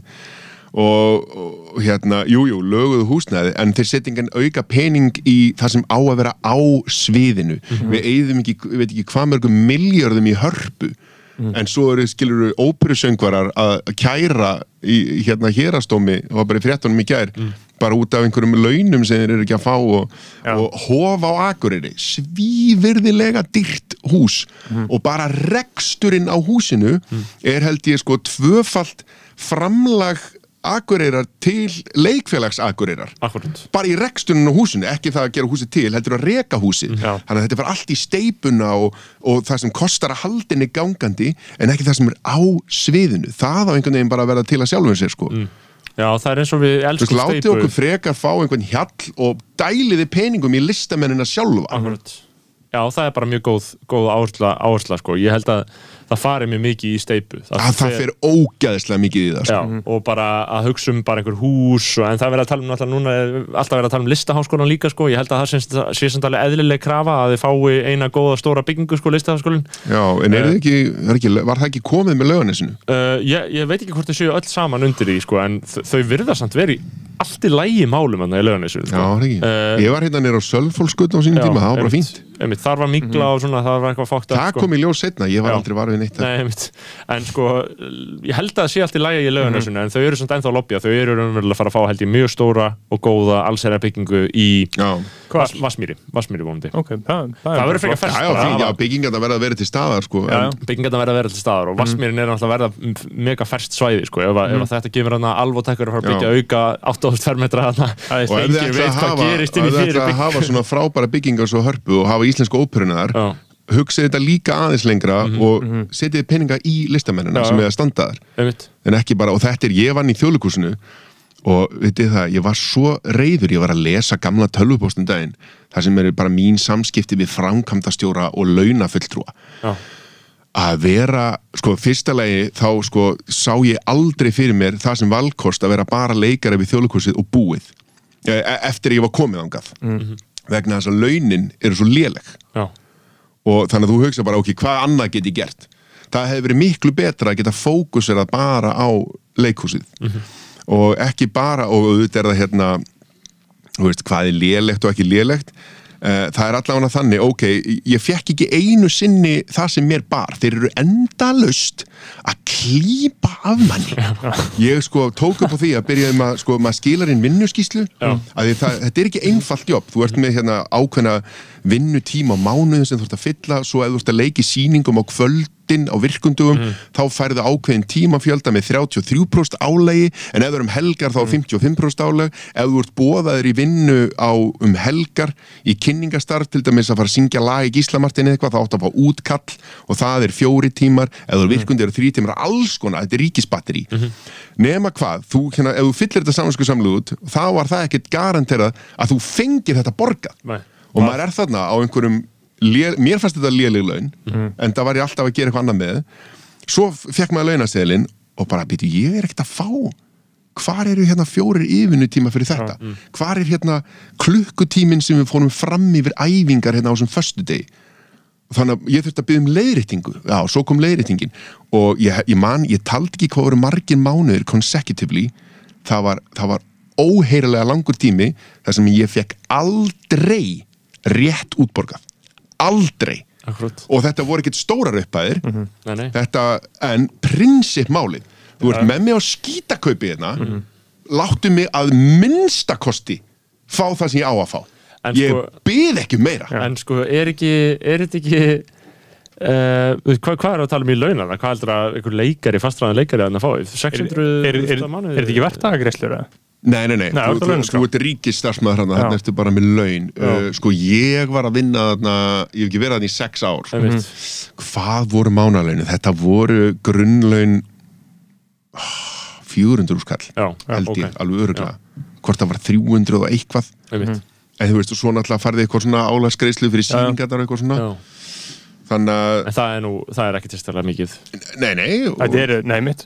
Og eins með þarna, uh, heiðuslaun listamanna sem að uh, Friðrik Þór var að fá núna sem bara algjör veisla sko. Uh, ég stið það að fá sem uh, flesta þar Var Það- Friðrik Friðrik Þór, Já, kvikmynda gera Já, maður ég held að vera Friðrik Dór. Já, nei, Friðrik, Friðrik Þór, hann var að fá sem sagt, Það heldur gott að Já, hei, hei, heiðuslaun listamanna, bara frábært. ég er bara svona, já, næs, að Já. þar eru sko 25 manns bara á launinu okkur til degja sko. Og náttúrulega degja allir, ég held að Alli Heimir og Raki Bjarnar dóu, þá komu tveir nýjir inn núna, Já, þannig að já. það var Friðrik Þór og einn Já. annar sko. Já, frábært. Já, Er og þetta hálauna? Nei, það er sko, ég held að það sé 350.000 verktækugreisla Já, já, einmitt sem er náttúrulega ekkert laun sem þú getur lifað, það er náttúrulega að gera eitthvað annað Já, en ég meina, er, ertu þá ekki, er þetta þá ekki vilt að bætast við lífeyrin? eða? Jú, þetta er bara eitthvað svona uh, for þetta er bara- life sko. Já, þetta er bara eitthvað Já. virðingar nafnið, skilur og ég er að, ég, ég, ég er að berja sér því að erpur fá þetta næst, Já. þegar hann verður næstur í rauðinu sko. Að Mér finnst það mjög Mér, eðlilegt. mér finnst það fullkomlega eðlilegt Erpur bjóð Já, til já. íslenskt rapp og það eru allir þessi gaurur að græða miljónir bara út af því það sem hann gerði og hann fær ekkert að því Mm. Þú veist, Mér finnst finnast það bara við bara sitjum þá Erpur væri frábær á heiðurs, heiðurslistamannar Já, Já. ég, ég ger ánæður að þessu sammála mér. Allir sem er búin að segja þetta við Þeir svona hnussa, þeir segja þetta. Ég var á ykkar aldri þegar þeir komu fram. Já, Þetta var geggja. Já, Bara, hann er að rapa á íslensku. Einmitt. Ég held að reyndar var César A á undan eða eitthvað en ég, ég, ég, var, ég ekki var við það sko. Þetta- það var, þetta var ekki vinsælt Þetta var fyrsta sem ég, ég heyrði sko. Já, og, og erpur náttúrulega sko, það var uh, íslenska rapsin þarna sko, splittast upp í það að rappa á íslensku og ensku og þarna var það svona smá bíf til þegar erpur rappaði þarna, rappa á ensku fyrir heiminn, hvað er það? og bara móðka alla þessa gauðra og þú veist, það er bara algjör að splitta þessu allir upp sko, og bar, barðist fyrir þessu sko. Já. heiðurs, heiðurs listamannlaun á erp sem fyrst Bara mjög viðeigandi. Það er eitt hérna Ég var svo erfitt með að sleppa þjóðlugursun núna því ég var að tala um það Já, bara Já. endilega. Já, Að því meira ég var að- Sko, það er nefnilega annað sem er byggt inn í þetta kerfi sem er svo galið að hérna, þú ferð, það er rauninni ég upplýði það í þjóðlugusinu ég, að- ég leik rosa mikið. Fyrst er maður alltaf bara þakkláttur að fá vinnu það er ekki Já. allir sem fá vinnu. Nema svo fær maður að vinna of mikið. Já. maður er einhvern veginn hérna, þeir eru búin fastræðning fastræðan leikar af þjóðlugusin bara prestigious og mann finnst það Hver- heiður. hver er munurinn að vera að bara svona að, þá geta þið bara notað mann í döðlu sko. Þú ert bara, þú ert að leiki þessu þessu, þessu, þessu, þú í rauninni ræðir um það. Á sömu launum og væri Já, basically, og þú farið alltaf yfirvinn og álag þegar þeir, þú veist, Mhm. Taka það til greina. Já, já, en hérna, já, já, þannig að það, þú veist, þegar þú ert að sína að farið alltaf eitthvað aðeins meira það var þannig gamla dag, þá fyrstu Mhm. sýningalaun leikarafélagið uh, seldi það frá sér þá voru nokkri leikarar brjálaðir yfir því, sérstaklega þeir sem voru alltaf í hittara sýningum. Þá, var, þá voru grunnlaunin voru bara eitthvað uh, bara peanuts svo voru sýningalön þannig að ef þú varst í hittara þá bara, þá varst að græða. Þá varstu með miljóna mánuði hérna upp á árinu 2000 Öðvitt. en þú veist, það var bara njóta ávægstana sko. en þau vildu frekar jafna þetta út á hópin og til langstíma bara hækkum grunnlaunin tökum sýningaköp út en þú veist, þú fær alltaf þetta álag þú veist, Já, þú já. eitthvað álagsgreiðslur og dadada. Þannig að þú fær alltaf eitthvað fyrir það en ekki mikið. Og það voru sumi brjálæðri við þessu þeir sem að leku mest auðvitað. En það sem maður upplýður svo þegar maður er komin inn í þetta kerfi er að, og þegar maður er orðin fastráðin og að, svo getur verið verkefnaráðin þú ert ráðin inn í þessa leiksýningu. Þá geta þeir ekki bara sagt við þig þegar þú ert búin að frumsýna þennan þá byrjar að æfa þetta leikrit þeir verða að spyrja þig. Mm. og þú getur sagt bara nei, ég er bara verkefnaráðin í þetta og that's it. Og þú ert með sömu mánaðalinn og inn í fastráðin Akkúrat. en þeir geta látið þig bara vinna þegar þú ert hérna, Þegar og hérna maður er kannski að, að æfa leikrit, byrja að sína það, byrja strax að æfa næsta svo byrjar að sína það bæði einu. Svo kannski dettur þetta fyrst út, þú, þú ert alltaf að æfa alltaf að æfa og sína, æfa og sína, æfa og sína þú ert að sína barnaleikrit á daginn og svo hitt á kvöldin og svo út á litla sviðinu hérna á 50 dugum og Er fólk ekki að brenna út bara? jú, jú, það hefur alveg komið fyrir. Og þetta er, maður ræður við þetta þegar maður er ungur og ballaus og þetta er ógeðslega mikil vinna. Og svo einhvern veginn er ekki að rata það mikið í launaumsleið og svo er maður að taka sér gig maður er kannski, er í hérna eins og ég og fleiri höfum verið í að vera í einhverjum svona skemmtana bransa líka og veislustjórn. Og allt í hennu hefur að bjóða hérna 150 skall á þeim tíma. Þetta er náttúrulega orðið eins og við tölum um án sennilega orðin hálf miljón núna, ég veit ekki, ég hef ekki gert þetta í mörg ár. En hérna en ef þú ert upptekinn við endalösa sýningar þá getur ekki tekið þetta að þér. Já. og allt í hennu eftir að horfa fram á það nú er ársáttíða sísón að byrja februar og mars. Ef að þessi sýning sem við erum að æfa núna verður hittari þá á ég engin laus kvöld af því að leikhúsin, bestu kvöldin eru föstas og lögðas þannig ég er kannski bókaðar öll föstas og lögðaskvöld í þessum hittara sem ég fæ klink fyrir versus það að geta tekið inn kannski miljóna mánuði í veislustjórnir. Já, og á hvaða tímapunkti byrjaði maður að sabotasa já, þetta fór ég að hugsa sko. Ég, ég náði ekki því lefilega að gera það en ég var alltaf farin að hugsa bara æjæ, er þetta nú að fara að vera hittari? já. Ó nei, Æjæ, ok. Já, öðvitt uh, var samt ekki farin að slaka á sjálfu mér Nei, nei. en ég hugsaði þetta bara. Þessi hugsun, æjæ, er þetta að fara að ganga vel? Og hversu brenglað er það? Öðvitt, og það áttaði mig á því að hagsmunir mínir og leikúsins fara ekki saman. Öðvitt og sem betur fer bara fæ ég hlutverki í þessum sjónvastáttum hérna og þarf bara að segja upp. Eða ég fór í ársleifi fyrst og svo sagði ég upp eftir það. Já, uh, vegna þess að ég veit ekki hvað þetta endað hjá mér sko, því ég var orðin mjög dökkur Já, í já. sálinni í þjóðleikursinu undir lokin. Og en, veist, eh, en meira svona aldrei á sviðinu Já. aldrei með kollegunum það var ennþá eldur í því en allt svona þess utan ég var alveg bara. Og þessi tölvupósta sem ég á við sko við starfsmenn á skrifstofunni er- eru bara, ég lesi þetta og ég bara dude, þú veist, þú þarf bara að kvíla þig sko. já, bara bitur. Ég var svo bitur og brjálaður. Og þetta er svo gallað þegar hagsmunum ykkar fara ekki saman. Þetta er bara algjörlega vangiði sko. af því að við erum að hugsa um bara eins og skonabræður hagsmunir okkar, við Mm. bara, bara 100% fjármagnar af Patreon og því betur sem okkur gengur eða þú veist, því betra efni sem við búum til eða hvað sem það er, því meiri sem við fáum inn því meiri pening græðið og þetta bara getur ekki, þú veist eða við byrjum að sökka, þá byrjum við að missa afskrifandir já. og maður svolítið vill verið í þessari stöðu sko, í, í hverju sem er sko.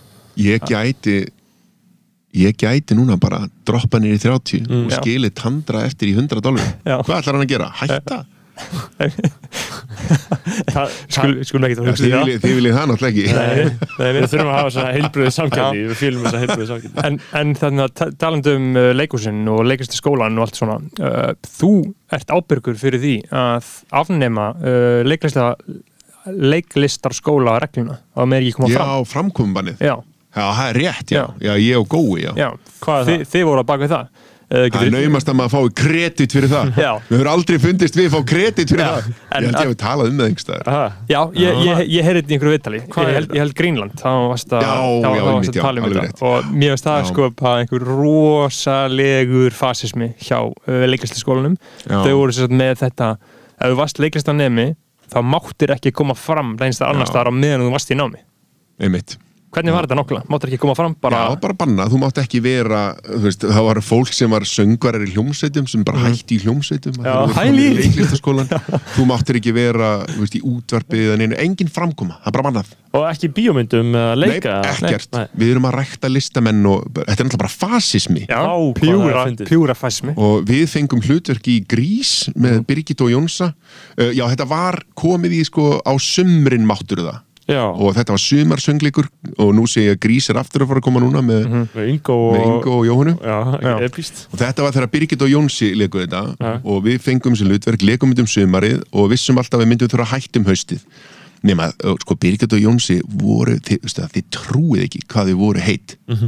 Þetta voru stórstjórnur Já, og þetta var svo mikill hittari þetta var leikið endalöst fyrir tróðfullu húsi svo Ári, ári, hvað er þetta? 2002 held ég alveg örglega 2003, annarkvort svo hérna er, er að koma haust og við það eru fengnir inn aðri leikarar fyrir okkur en við svona bara, hún ekki alveg að fíla þetta sko. en svo vildi svo til að gói á frængu sem er hæstaréttalögmaður Já. og hann einhvern veginn nefnir þetta og hún bara fyrirgeðu, hvað sagði bara þetta eru mannréttindabrót, getum Já. bara sagt þér það og hún skrifaði þessa svona fimmblað sína bref til Já. skólans. Hvernig þetta væri mannréttindabrót og, Mhm. og hérna ætlaði bara að fara með þetta alla leið og þetta á og þeir sem sagt afnámu regluna eftir það og við gáttum aftur farið að- leiki grís. Og enda okkar punktu var sko hérna byggðið okkur um 100% mætingu byggðið okkur um 100% verkefnaskil og allt það, það stendur ekkert á okkur þar. Vegna þess að því svo er annað fólk, það er oft hérna einhverju leiklistanema sem að er að hérna fá endalega svo sjensa sem er í sem er einhverjir hasshausastrákar svo ég segja nú bara Ar- Ar- Aron Móli vinnur okkar og, hann ekki- og talandi um hann já, hann hafi verið sjö ár með leikastaskólanum hann mentaðasti leikar Íslands. Nei, okkur, var svo, misbúð að því við vorum duglegir í náminu. Við mættum alltaf. Já. Og hérna, hvað kemur það skólanu við, við hvað við vinnum Þetta er bara, þetta er bara svona Þetta er bara svona starfsbann Það má Já. ekkert gera þetta það er svo líka áhugavert að skoða hvað þessi regla kemur hún Já. kemur frá því að e- á einhverju tímapunkti, núna er þetta listaháskólin og undan því var þetta leiklistarskóli Íslands Mhm. uh, og undan því var þetta leiklistarskóli þjóðlikúsins og var inn í þjóðlikúsinu Já, og það var endalust fyrir að nota nemana í, sem aukaleikara Mhm. Og þeir, já, og þeir voru að sligast. Og bara, herri, getur ekki, er ekki hægt að banna þetta bara? Já, þannig var þetta til. Já, um- Herri, jú, ok, það er bara þeir með ekkert koma fram fyrir þeir eru búnir með námið. Einmitt. svo bara var þessi regla áfram og allt í einu komin í listaháskóla Íslands mátt ekki vinna. Þannig og, og Íslandingar eru svo bælt þjóð allir bara ok. Já, einmitt. Já, já. Það en þannig að já, sem betur fer ég hugsa að við hefum mögulega ekki náð þessu ef, að, ef þessi frænkans góa hefði ekki svona svolítið stíð fram fyrir skjöldum með okkur hérna og, og tæklaði þetta. Ég og vinn sem er í, er í leikarum núna Hann leik bara í bíómynd í sumar og, já, auðvitað, auðvitað má hann það. Já. Að, Hver, er- hvað heitir hann? það eru flott mynd, það er Sigur Ingvarsson það er sonur Ingvars E. Já, uh, hann var í eh, ég, ég má örgulega segja já, hann, um, einhverju mynd þarna fyrir vestan. Já. Sem er voða flott verkefni held ég. Yngvar E. Já, fullkomi dæmi um það sem að ég var að tala um áðan. Mm. Hva, vitið þið eitthvað um hvað Yngvar E. finnst um eitthvað? Nei. Nei, það er ég þekki hann ég þekki hann, pe- ég þekki hann persónu út af þessu en Já. annars, já, almennt nei. Nei, almennt nei. Þú ég hefur veit af ekki, ég hefur ekki hugmynd um hvað Yngvar finnst um nokkuð skapaðan hlut vegna Nei. þess að hann er ekki að gaspraða á neinum stað. Hann myndi ekki einu svona mæt Ég er á ekki einu svona að vera hér. En, þú veist, Og ég er að fara til Sölva á morgun. Hvað er ég að gera? ég, ég hugsa sko með eins og með einhver er skilur ég veit ekki hvað hann finnst en ég veit að ég er sammálun þú veist, þú veist, þú veist það, það er bara hlýtur að vera. Það getur ekki verið okkur greini í megin atriðum á um neitt hugmyndafræðilegt. Ég bara Nei. get ekki séð það fyrir mér. Einmitt. Hann er bara í sundlauginni og hann er bara fucking fersk þegar maður horfir á, og einmitt hann leikur í svo mörgum myndum og Já. þegar maður horfir á hann þá er ekkit sem er einhvern veginn að, byrja sínmanns á hans performance, maður er ekki að hugsa bara já en svo er hann bara helviti sjalli og Einmitt. eitthvað svona. Á móti orkupakkanum. Já, einmitt Er einhver, þarna, uh, er einhver annar íslensku leikari fyrir utan þig sem að gaspra á skóðum sínum? já, já, gaur, mér finnst allt þetta allt já er þetta góð spurning vegna þess að, er- mér finnst óþóð því svo þykist ég einhvern veginn ekki vera að gera það lengur Já, en er samt mættur í podcast Að- tala- borgar, að tala gegn RÚV og- þetta borgarleikus pakka allt, alltaf með einhverjar veist eins og hann að klusturstæmið og eitthvað Já. svona Já, mér finnst það- það, það, það pyrra mig sko Já. mér fannst það svona, bara það- það er svo takki sko Já, það var eitthvað svona liberal bullshit sko. Já. sko, já, sá upplestur Já. sko, nú ætti ég ekki að tjá mig um það mér var jú, veist það, sumt verður maður bara að segja Já. Já. mér var bara misbúið Já, Já. Mér, já, Er hvað það ekki? ég? ég sá bara, við ætlum að lesa hérna Mhm. lesa upp allt sem kom mm. hvað meinar Mhm. í hvaða tilgangi Já, þetta, þessar upptökur liggja fyrir Mm. það er verið að fjalla um þetta eru þið að fara að endur leika þetta þú getur ekki bæ- bætt neinu við sko Nei, svo man ég horfði aðeins á þetta streymi og leikarnir voru svona aðeins að setja í það. Þa, þau sögðu upp að við ætlum bara að lesa þetta nútrall bara, nei, glætan þið ráðið ekki við ykkur sko. Einmitt, svo byrjuðu þau að, að leika sig aðeins fulla og, og aðeins að gera smá grín. Akkurat. Og salurinn með yfirleiti slag og við veist það, mér var svo fullkomlega Já. misbúðið Já. Hvað eru þið að gera? Já, mér fannst þetta bara ekki í lagi sko. mér, mér fannst þetta leim þetta var, þetta var Á- viðbjóður. á meðan skilur mér fannst bara fyndið held ég þegar þau aðna lásu skýsluna skilur, lásu já. skýslu alþingis. Ég var með því. Já, mér fannst það fyndið bara. Já, já, Þarna, þannig séð, ég, ég mann er ekkert það vel eftir. En þú veist, en, þú veist en, en þetta klustur með, það er svo low hanging fruit hversu auðvelt er að fara bara eitthvað og Immi, þetta Skilur- var, þú tókst þetta þú sást mann í götunni og Já. ákvast að sparki hann. Sex saman sparki hann öll í einu. Já, Já, þetta var ekkit annað sko. Mm, og ekki það, eins og ég sagði ég, er, ég trúði alltaf að, að klustursmenn myndu koma betur út hinum en eftir hólinn og þeir hafa gert það, þeir sigurðu þetta mál. Já.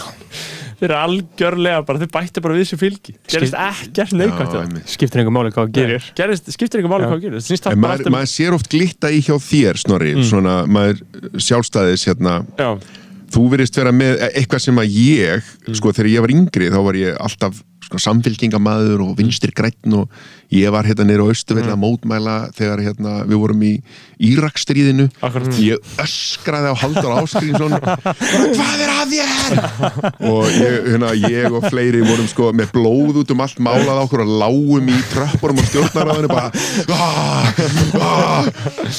Og svo einhvern veginn kaus í sjálfstæðisflokkin síðan eh, síðast akkurat hérna, þannig að því sem að vera eldri og, svona, og kannski eignast Já. hús og eitthvað svona þá fem maður svona meira kjósa bara fyrir Já. Og hérna eins og mitt, mitt ég hef kosið held í alla flokka Já. maður sér aðeins uh, þú, þú ert svona meira eins og 35 ára fertugur Já, ég er bara með mjög Meira heldur en Bergþór, mjög, sko. Ég er með tölvöld íhaldsamar en Bergþór sko. ég, Já. ég er með mjög íhaldsama taug sko. þú ert svona me, til í að meiri að horfa á raunveruleikan í hlutunum sko Já, Bergþór ég- draumóra maður sko. ég, ég er útópið maður sko Já. Já. þú veist, af því að mér, ég skil ekki af hverju við gætum ekki bara af hverju trítar þú Bergþór alltaf eins og litla bróðin? Ég- það, það er orkan sem skilja draumórunum sko. Það er draumóra Já. sko. En- en það er sko. alg, hefur, hefur orkan á millikar alltaf verið svona Nei, alls ekki sko. Já, við erum alltaf, ég og Bergþór eigum bara professional samband sko. Við erum ekki bræður Við, við tökum bara upp hérna þátt sko. Eh, það, það, það fer eftir í sko bara í rauninni hvað á er sko, það er, af því hann er alltaf svo íhaldsamur og leiðilegur sko uh, með það sko og ég er svolítið svona uh, útópíumæður með það að þú veist ég vil bara Með pólitík, ég sé marga ómöguleika Skilur, ég sé er- Þetta gæti náttúrulega líka verið það sem að ég heyri sem snorri að vaði við Bergþór Mm. gæti líka verið bara Bergþór að þekkja litla bróði sinn leifur honum að gasa já, já, Að því að veit að þýðir ekkert að- það, já, sko. og, og líka náttúrulega út af því að ég hugsi lausnum, skilur ég væri Já. til í að, þú veist, ma, ég, ég er í business sko, og Snorri e, hefur aldrei verið í business sko. Nei, hann er bara, Og- hann er hjá hérna, Hann er í já, sko. hann, hann, hann er hjá útgerðin hérna upp í mokkan og ég, ég vil meina sko að þú hefur verið í business sko, mér finnst aldrei ætti einhvern veginn að fara í business út af Já. því að þú veist, þá þarftu að leysa vandamálin, skilur Já, algjörlega og þá svona, þú veist, sérðu uh, sérðu hlutir kannski í smá öðru hér ljósi sko. Það er Ég- bara ein mikilvægasta leksía sem Já. að ég hef fengið, ég hef einu sinni gert það sko, Mhm. svona eitthvað þar sem ég tók sjálfur fjárhagslega ábyrgð já, Já, þetta er bara besti skóli sem þú getur farið í þá hættur að haga þér eins og vesturbælaugin Já, að það var hérna ég get, á ég segi ykkur frá því? Já, á ég segi ykkur frá því já, en já, það er eh, eh, reynda sko varandi þess að bræðra orku á millikar þeir töluðu Mm. einhvern veginn ég var, mér, mér hefði svo langað að vera viðstattur Mm. þessi kvöldverður sem það áttu með pappi ykkar. Mm. þess að þú varst eitthvað endalist að drífa því vinnuna þið voru, þið þrýr að tala saman. Ég sagði bara ég gæfi allt Hvað var aftur að tala um það það? var örgulega bara, örgulega bara þegar ég var einhver kvíðakasti sko, af því þá lassa ég út á alla aðra þá þú bara kemur þunglindsorkun og eða alla stefninguna sko. Já, já, já. það var bara, Já. ég man eftir þessum kvöldverði við vorum að borða uh, í miðju semi-covid og ég var eiginlega á miðri kvöldvakt í vinnunni að borða með ykkur Já, mjög óánægilegt bara í alla staði já, og ég var korti við já, Já. ég kom með þunglindsorkuna sko, Já. sem ég á mjög mi mikið til af Já, minna samt, ég er orðin skári þú ert orðin tölvöld skára eftir að hættir að vinna á mokkanum sko. þú Af því að verður, þú verður geggjaður pappi ég bara heyri það sko. Ég samt, ég, er ég er svo hrættur um að beita, beita, beita ekki ofbeldi en þú veist, vera leiðilegur sko, sem pappi. nei, þú verður aðeinslegur Já, ég veit ekki hvernig það verður sko. Ég, en þú ég er líka. Berður þið eru svo vel upp aldir þið kannski Já. áttið ykkur ekki á því sko. Já, það, það, takk. Já, gott. ég held að mamma og pappi verða sátt með þetta sko. Já, Mér langar að hitta fóreldri ykkar og bara fá tips meðan mín börn eru ennþá er ennþá bjarga þeim sko hvað á ég að gera? Að Sko, veist, ég, veist hvað ég myndi gera á bönniðin ef ég ætti að gefa fóldra núna? Hvað myndir þú gera við börnin mín ég myndi uh, ég senda þetta til sálfrængs bara, bara saman hvað. Bara láta það fara til sálfrængs og tala um þig. Herri, hún, Eh. hérna, ég bað dóttur mína sem er þremur árum eldri en bróðu sinn sem er miðbarnið já, það var fyrir svona tveimur þremur árum síðan þá var hún endalust að níðast á honum. Já, hann mátti aldrei fá neina hugmynd eða gera neitt á þess að hún væri mætt að rífa það niður. Já, og ég tók hana bara á eintal sko, bara ég og frúin. Bara, þú veist, þú, þú ert að gera þetta og þú veist, þú verður að hætta þessu. Þú verður að vera jákvæð, uppbyggileg við hann bla bla bla bla. Og hún hugsaði þessu um bara ah, getið þið bara ekki sendt hann til sálfræðings? Já, og hún var nýjára þegar hún sagði þetta. Já. Frekar en að ég breyti minni hegðun, getið þið ekki bara Það- fyrir ég held áfram og þið finnst- sendið hann til ég, sálfræðings ég skaða hann og hann fyrir bara að rætta það í hjá Já. sálfræðingum sko. En þú því myndir mæla með því að börn Já, því bara að ef að ég fengi sko að uh, breyta einhverju í mínu lífi sko, Já, þá var það, þá væri það að sleppa sko frá öllum bælingunum og þuglindinu með Já. því að hafa farið til sálfræðings bara þegar ég var svona 15 ára og átta mig betur á því að fóldraninni get þeir get ekki útskipt fyrir hvernig lífið er í raun og veru almennilega, en ef þú ert með einhvern fullkomlega óháðan aðila sem þú getur bara, ímyndið ykkur hafa verið á sálfræðingi bara tíu ár, þú bara fullkomlega læknast skilur, og þess vegna getur þú gert svo mikið að forvörnum þar með því að senda börnin til sálfræðings. Og ég meina, Þau verða samt smá hrætt kannski um að séu ykkur loonies. Nei, en nei, málið er að þú um leið og þú veist að halda allir það þangað til þú ferð og sálfræðingurinn nær að byggja upp tröst með þér og útskýra fyrir þér að þú veist, þú mátt segja hvað sem er Já. hérna, ég held að þetta gæti verið mjög gott fyrir börnin þín og bara öll börn En á almennt sama Ég tíma þá fór- held ég að ég held að fólki jafni sig alveg á þú veist eins og bara eitthvað við þrýr bræðun það er ekki eins og þetta hafi alltaf verið eitthvað he heilbritt og uppbyggjandi hjá okkur öllum strákunum skilur við ma maður var alveg rifið niður skilur og bæltur Já, já, og maður lifið ég- þetta af og maður verður bara sterkari Já, líka ég. já. Já, já, ég, ég man alltaf eftir því, sko, ég og etna, Ari, bróður minn sem að fimm án veldri sko, ger, gerum það við snorra sko, að etna, við leiðum honum að vera kóng í smástund og leiðum að ráða öllu. Og okay. skipa okkur fyrir. Að þú er það að Já, og, og, og, og svíða var hann uh, sviftu krúnunni og svífirtur Gerðu uppreist. Já, bara gerði uppreist og þá var það bara alltaf bara það missir öll völdin sko. Já. þú, helst, þú mátti segja bara fara og sættu mat fyrir mig Já, já. og gera þetta Já, og svo missir allt sko. og þetta var, þetta var bara svona, svona works every time, þú var alltaf að ágráta og brjálæst sko. Vil gera það ógæðsli en ég, segja, þú veist, ég held að þetta ég held að þetta styrkir mann sko á endarum ég held að, ég held að þetta sé fínt ef að börnum er leitt að gera þetta þannig ég, fór, þarf ekki ágjur ég fór tvís var til sálfræðings þegar ég var 14-15 Já. það var út af, á, ég lendi, í atviki það var sko var gæi, ég var að bera út D.V.A.F. bara mm hábjartan dag og gæi sem að þú veist, bara ekki, ekki réðist á mig en, jú, hann kildi mig sko, ég lendi bara líkamsárás. Og, og varð svo að því ég átti að hafa sagt eitthvað, þetta var bara verulega trublaður einstaklingur sko, hann er með þess að dáin núna sko, komst ég að setna bara, já, eitulífi neitandi og, mm og fík nefna sali og hérna, já veitist að mér þarna um hábjartnanda og ég eðlilega var skítrættur hætti að lappa þarna og svo var ég farin að loka maður ég vildi ekki mæta á neitt sko, Já. skólaböll og eitthvað og mamma hérna bara herðu, hvað tölum við sálfræðing? En þegar ég lappa inn á byðstofuna er strákur úr árgangnum mínum. Ég sé hann, hann sér mig og þetta var bara skömm. Þetta er bara 94 skilur Já, við. já. Hvernig dyrfistu fara til sálfræðings aumingiðin Jep. er svona feelingurinn sko. já, já. og ég bara, bara shit og ég svona hæ hann segir hæ við mig og við tölumst ekki og við myndumst aldrei á þetta Nei. aldrei nokkuð tíman en fundið með sálfræðingnum voru mjög góður Já, ég náði að vinna mútu þessu þetta og svona afmarkað lítið Mhm. atvik sko, allt í góðu með það núna en enga framtækið. Að um það. Það sem ég og Bergþór þekkjum og bera Já. virðingu fyrir það er þegar að menn leggja sína eigin pening undir. Og, og líka þegar að menn gera það þá mega líka njóta uh, hérna, góðsæði þegar það gengur upp. Já, upp, svo- upp, upp, á þessu marki. Upp á þessu marki, á þessu marki. að Svo, svo getur þetta orðið verulega skakt líka þegar já. engin ábyrði til staðar sem við sjáum sko. en ég hérna leik í að því ég er alltaf að leika einhverju þar sem ég bara sel minn performance fyrirfram og fæ prís fyrir það. Ég, ég tek enga Já. áhætt á hvernig þetta gengur sko. Nefnum alltaf prósendur á Martin ég, mynd, ég veit líka laun. Já, já, Martin er best launaða giggi mitt á Íslandi já, fyrir og síðar. Já. Wow. ég hef aldrei fengið jafn vel borgað í íslensku giggi eins og fyrir Martin Þú getur ekki bara fundið þættin og sett á YouTube sjálfur eða? Ég, það, það, ég þarf það ekki núna, ég er búinn að fá þessa greiðslu sko. Nei, nei, bara þetta lifi Við þurfum að sjá Martin. En ástæðan fyrir því ég fekk svona vel borgað er að ég sá bara, ok, þetta er sitcom Mhm. það er ekkit listrænt merit í þessu ég er til í að taka, ég er til í að prófa þetta við höfum aldrei gert þetta, þetta hefur aldrei verið gert síðar að taka upp lifandi sitcom fyrir framan áhörundur í Íslandi og Mhm. við gerðum það hefnaðist ekki vel. En ég sagði líka við ég sagði við gæðin sem ég var að semja við eina ástæðan fyrir því að ég geri þetta er, er, er ef ég fæ vel borgað. Já, og náði að semja þú veist, að því að maður er alltaf ég vil langa með að gera þetta sko. Þá svona fer maður aðeins að slá af. Já, en þarna var ég bara ég ætla ekki að gera þetta nefnum ég fái þetta og Já, það gekk vel.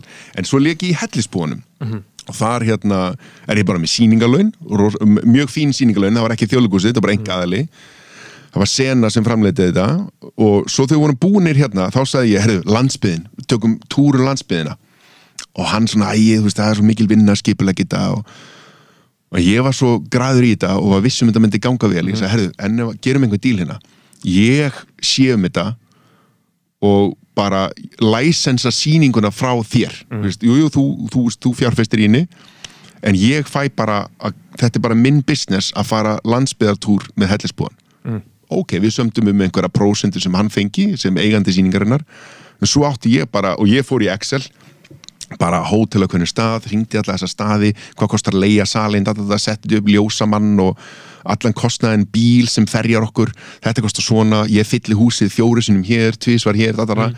ég var að fara að græða svona 5 miljónir á tveimu vikum. Já, Það bara, þetta er að fara að gerast. Og svo bara bóka ég við auglýsum, allt í gang miðasala og það reyfist eiginlega neitt. Þetta var búið að ganga fyrir fullu húsi í bænum. Ég var búin að fara til Akureyrar og tróðfylla og, og svo bara var ekki engin stemming. Nei. en veist, jú, það seldist upp og uh, þumalputa reglan var fyrsta sýningin á hverjum stað var að fara að borga kostnað. Sýning tvö var að fara að vera í minn vasa. Já, ein sýning var alltaf svona bara til að bera upp í kostnaðin svo bara leit út fyrir það er ekkert að fara að vera meir en ein sýning á hvernig stað sem þýðir bara 0 krónur fyrir mig. Og gæja maður bara, ég vissi þið, ég saði það hvað ætlar að gera? Og ég, hann svona ráðlaði mér, hann sagði "Heyrðu, sko, þú ert að panta einna hótelherbyggi þú ert að panta flug. Þú veist, endur skoðaði þetta talaði við hótelin, fáða bjóttuði miða í stæðin fyrir hérna, að borga og, og ég byrjaði að ringja og að fyrst bara bókaði allt þetta dættu ganga svo vel. Þannig að ok, ég byrjaði að gera það bjóða miða, það gekk upp hérna og datana, fljúum ekki, leigjum bíl keirum, alls konar svona. Og vonaðist til þess að þetta myndi taka við sér. Ég þurfti að taka út sýningar á Ólafsvík. Ég ringdi bara eitthvað afbóð, hann bara nei, nei, nei, það er allir svaka spendir Seg, það eru sjö búin að kaupa miða. Nei, fólk kaupir miða í dyrunum. Mhm. þá stóð ég fram fyrir því, er ég að fara að taka sjensin á því? Já, og ég bara, nei, ég ætla ekki að taka sjensin á því. Og bara kansilaði minkaði túrin og ég fjekk fyrir tveggja vikna vinnu og fyrir 20 sýningar um all landið 117.000 krónur. Þannig ég var í plús en 117 krónur fyrir alla skipulækningu ég, því ég tók fjárháslega áætlunina. Svo er nefnilega ringir í mig gæi þegar ég er orðin hérna þegar þetta er að fara stað. Bara er ég séð frá höfn í hotnafriði ég séð út að fara hérna ringin, þú ert ekki á höfn. Bara, nei við ákvaðum að halda okkur bara við svona stærstu staðina, eigilstaði, Akureyri, Ísafjörð og svona einhverja nokkra útvalda. Ég meina, þú fyllir, þú fyllir tvær sýningar hérna á höfn. Það er pottitt, það er pottitt það eru 250 sæti hérna, þetta er- þetta er pottitt Já, heldur það? Og, og aftur talaði ég við framleiðendan hann gaf mér alltaf svona góð ráð. Og ég sagði, hann, hann segir þessi pottit Já, er það já. Ok gerðu eitt, alltaf, hann sagði, alltaf þegar einhver segir við mig eitthvað sem pottit þá færi ég fjárhagslega ábyrðin yfir hann. Uh, ákveðtu bara verð með það. Hvað kostar að fá sýninguna? Og segðu hann að hann megi bara eiga miðasöluna. Bara, já, ok. Þannig ég reiknaði kostnaði, hvað kostar okkur að stoppa þarna? Svona, svona, ég þarf að baka ljósa mann svona mikið, ok, sýningarlaun á mig svona, þetta, ok herru, ég segi hann, ok, eh, 400 skall. Þá komum við á höfn og ég skal sína tvær sýningar fyrir 400 skall en þá má þú bara eiga miðasöluna. 250 manns, eða kostar 3000 skall inn, þú ert búin að græða sko. no brainer ha, nei. Nei, við, við, við gerum það ekki sko, við, við erum salur í útlegu og, já, þetta er potið það er engin áhætta.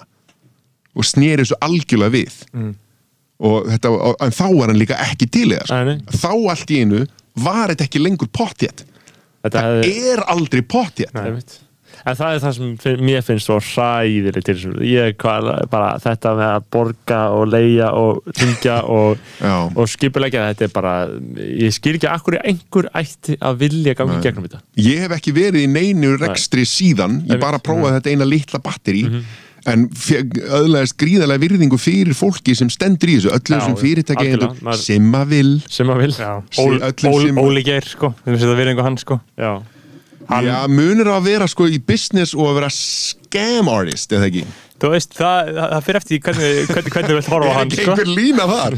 sko, hann náttúrulega eh, var með einhver úr sem var kannski ekki Já, ég er, ég er að vitna í það, svo ég sé það, ekki bara að sko. kalla hann scam artist Já, út í loftið einmitt, þá er ég að einmitt, vitna í það að hann var að selja úr sem eigin hönnun Já. sem sannarlega voru bara keift frá Kína Já, hann, hann var alltaf bara exposaður, það er miljón mann sem var að gera þetta líka sko. uh, en ég var aðalega vitna í sko, með Óla Geir, uh, hann hjælt upp í bara uh, Tónlistarhátíð. tónli, Nei, bara gig, bara, þú veist Já, já, bara mæta, mæta á Akranes, mæta á Keflavík mæta á Selfoss, bara gig sem væri ekki til það væri ekki fyrir hann, sko já. og ég held að Ok. flestir svona poppara landsins uh, kunna að meta þau gig sem hann bjóð til, sko Já, ok, það er bara hann, gott að það hann komi tók fram alltaf áhættuna, sko Já, það var allt þannig. Það er gott að það komi fram, sérstaklega í tilfelli svona manna sem er að fá skít fyrir Já, eitthvað ákveðið og, Já, Me, já. með svona svolítið flekkað mannorð, sko Það er erfitt að vera með flekkað mannorð á Íslandi af því að þetta er svo Það- lítið land sko. Já, já. en síðan eru fólk, er fólk rosalega fljótt að gleyma líka Já, Er já. það? Já, stundum Mm. ég gle gleyma aldrei brefin hans Jóns Baldvins ég get sagt ykkur það já, Já, ég held að, ég held að það sé allir gangur að því, sko. já Uh, það er náttúrulega ekki hægt að flytja bara til Cali hérna, sko. Nei, algjörlega En Herri, við erum búin að uh, við erum búin að slá metið að sölva Nei, það? Já, Þeir eru með lengsta þátt ever. þetta er le lengst í skoðanabráð þáttur ever Vá. Nú, Það eru okay. ekki örugglega að taka upp. við erum, við erum að taka upp, ég vona það sko án þess að það hefur verið eitthvað markmið í sjálf og sér það var bara ákveðnir hlutir sem þurftum að fara yfir Einmitt, Algjörlega. einmitt Og þetta var líka, þú tókst, þetta voru alveg tvö vitul, þú tókst líka vitul ég tók við tala við Já. það er rétt Uh, Er eitthvað, er eitthvað sem við erum ekki búin að ræða? Var- Varst þú með einhverjar fleiri spurningar? eða? Nei, mér langaði bara aðeins að, að því nú er ég búin að vera með ykkur í eirónum í marga klukkutíma. Já, ég þekki ykkur svo vel en Já. ákveð, ákveðna spurningar sem ég vildi fá að vita um ykkur Já. uppbeldi fyrst og En, fremst. en, en svo er líka gott sko ef við, ef við miðum við það sko að það væri líka flott að taka einhvern mann einhvern mann þegar leiðist einhver bæðarlega þá getur við slegið á þráðin hjá þeir að gera eitthvað merkilegt út í heimi. Það Já. er góð símtal, símtala viðtöl sko. Já, Já, það er gott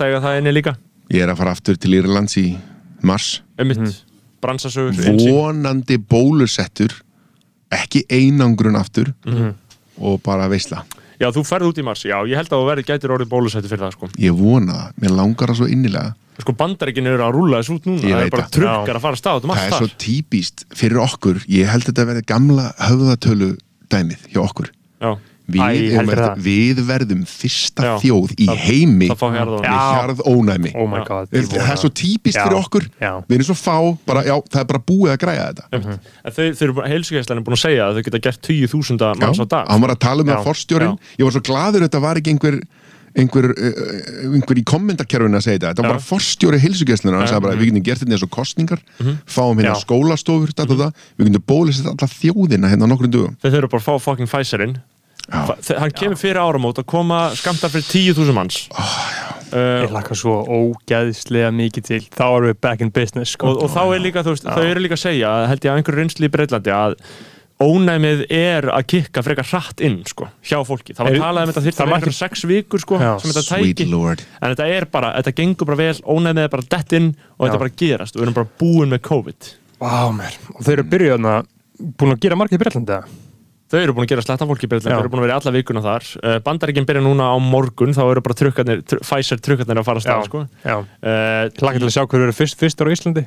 Já, ég er svo spenntið fyrir þeirri frétta Já. ljósmynd Ég er búin, að- ég Já. er búin að fantasera um þetta á forsöðu blaðana Já. myndinni af einhverju gamalli konu Já, á hún, hún var góð þarna í Breitlandi, Já, sko. og, og geggjuð í síðan, síðan var nummið tvö, hann hétt William Shakespeare. á geðut og hann býr með þess að í Já. Stratford upon Avon sko. Já, í bænum hans. Já, hann býr, í, hann býr í bænum af Shakespeare sem ég fór í sko. Ég var svolítið spenntur þegar ég sá World Health Health Organization gaf út svona þryggja þrepa forgangslista Já, þar sem að sko í þriðja hópnum hjá þeim voru essential travelers já, sem er bara fólk sem ferðast á milli landa vegna vinnu eða þú ert að flakka eins og hálfvita á milli landa Mhm. Já. fucking bólusettið ég held að þú Já. getur fengið Já, þannig en svo náttúrulega gera öll, þetta er bara svona tilmælinn frá þeim Mhm. en á þessum íslenska lista, þessum tíu punkta lista Það er mjög neðarlega ekki? hvergi talað um þetta, það er, það er ekki minnst orð á þetta neðarlega. þess vegna er ég að treyst, neða bara alls ekki, það er Já. ekki talað um fólk sem ferðast vegna vinnu þannig ég er að vona að þetta verði bara að, þú veist, að þetta við verðum svo snögga þessu að, að það sé bara, bara komið bara, Já. þú veist, komið bara já, og við vitum náttúrulega ekki hversu stór hópurinn er sem að ætlar að býða aðeins mm, og veist, ef, að, ef að við erum að lendi í of stórum hópi sem ætlar að býða og sjá til Mhm. þá er þetta að fara að dragast í marga mánuði sko.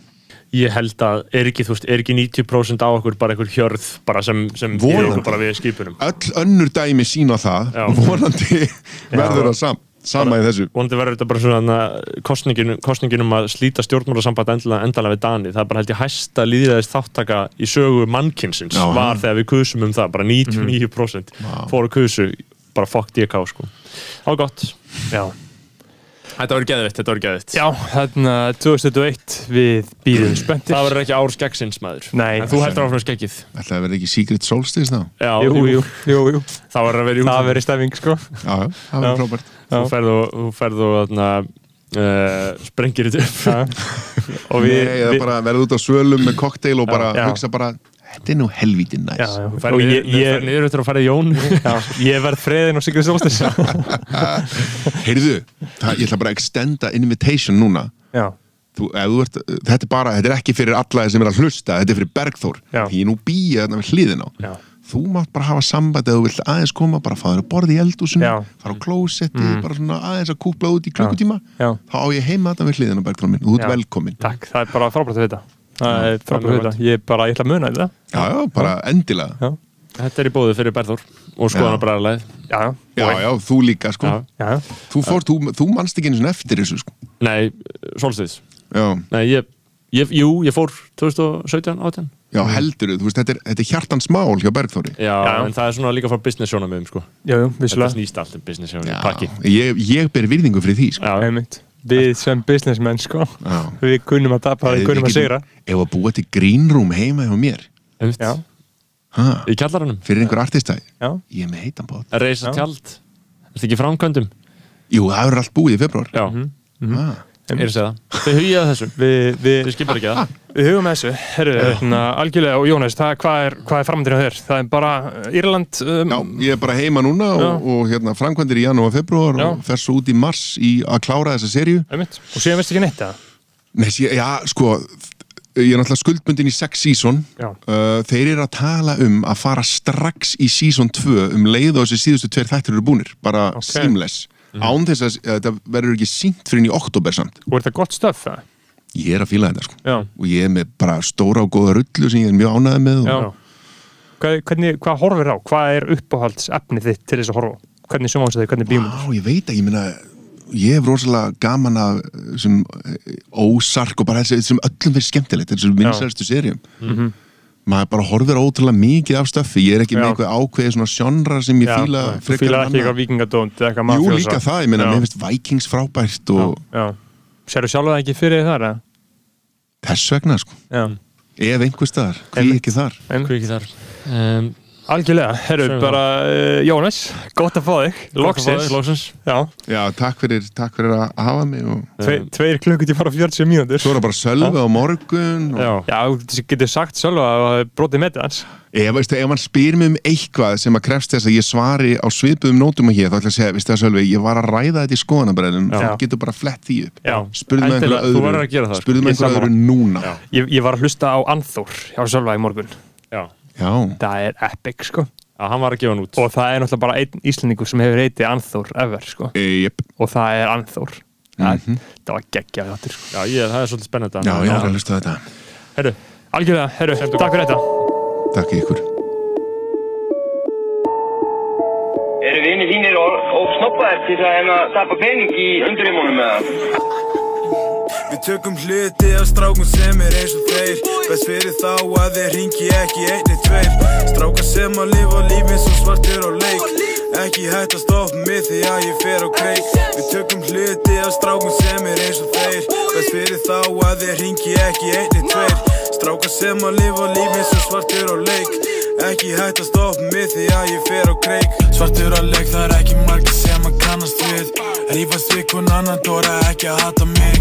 Þú ert ekki að mig hamarinn ég hamra þig. Þú ert að væla núna brotið á þér andlitið. Þegar þú byrðir glir og sé ekki kasta steinum. Ef þú sást mér gera þetta ekki segja neinum.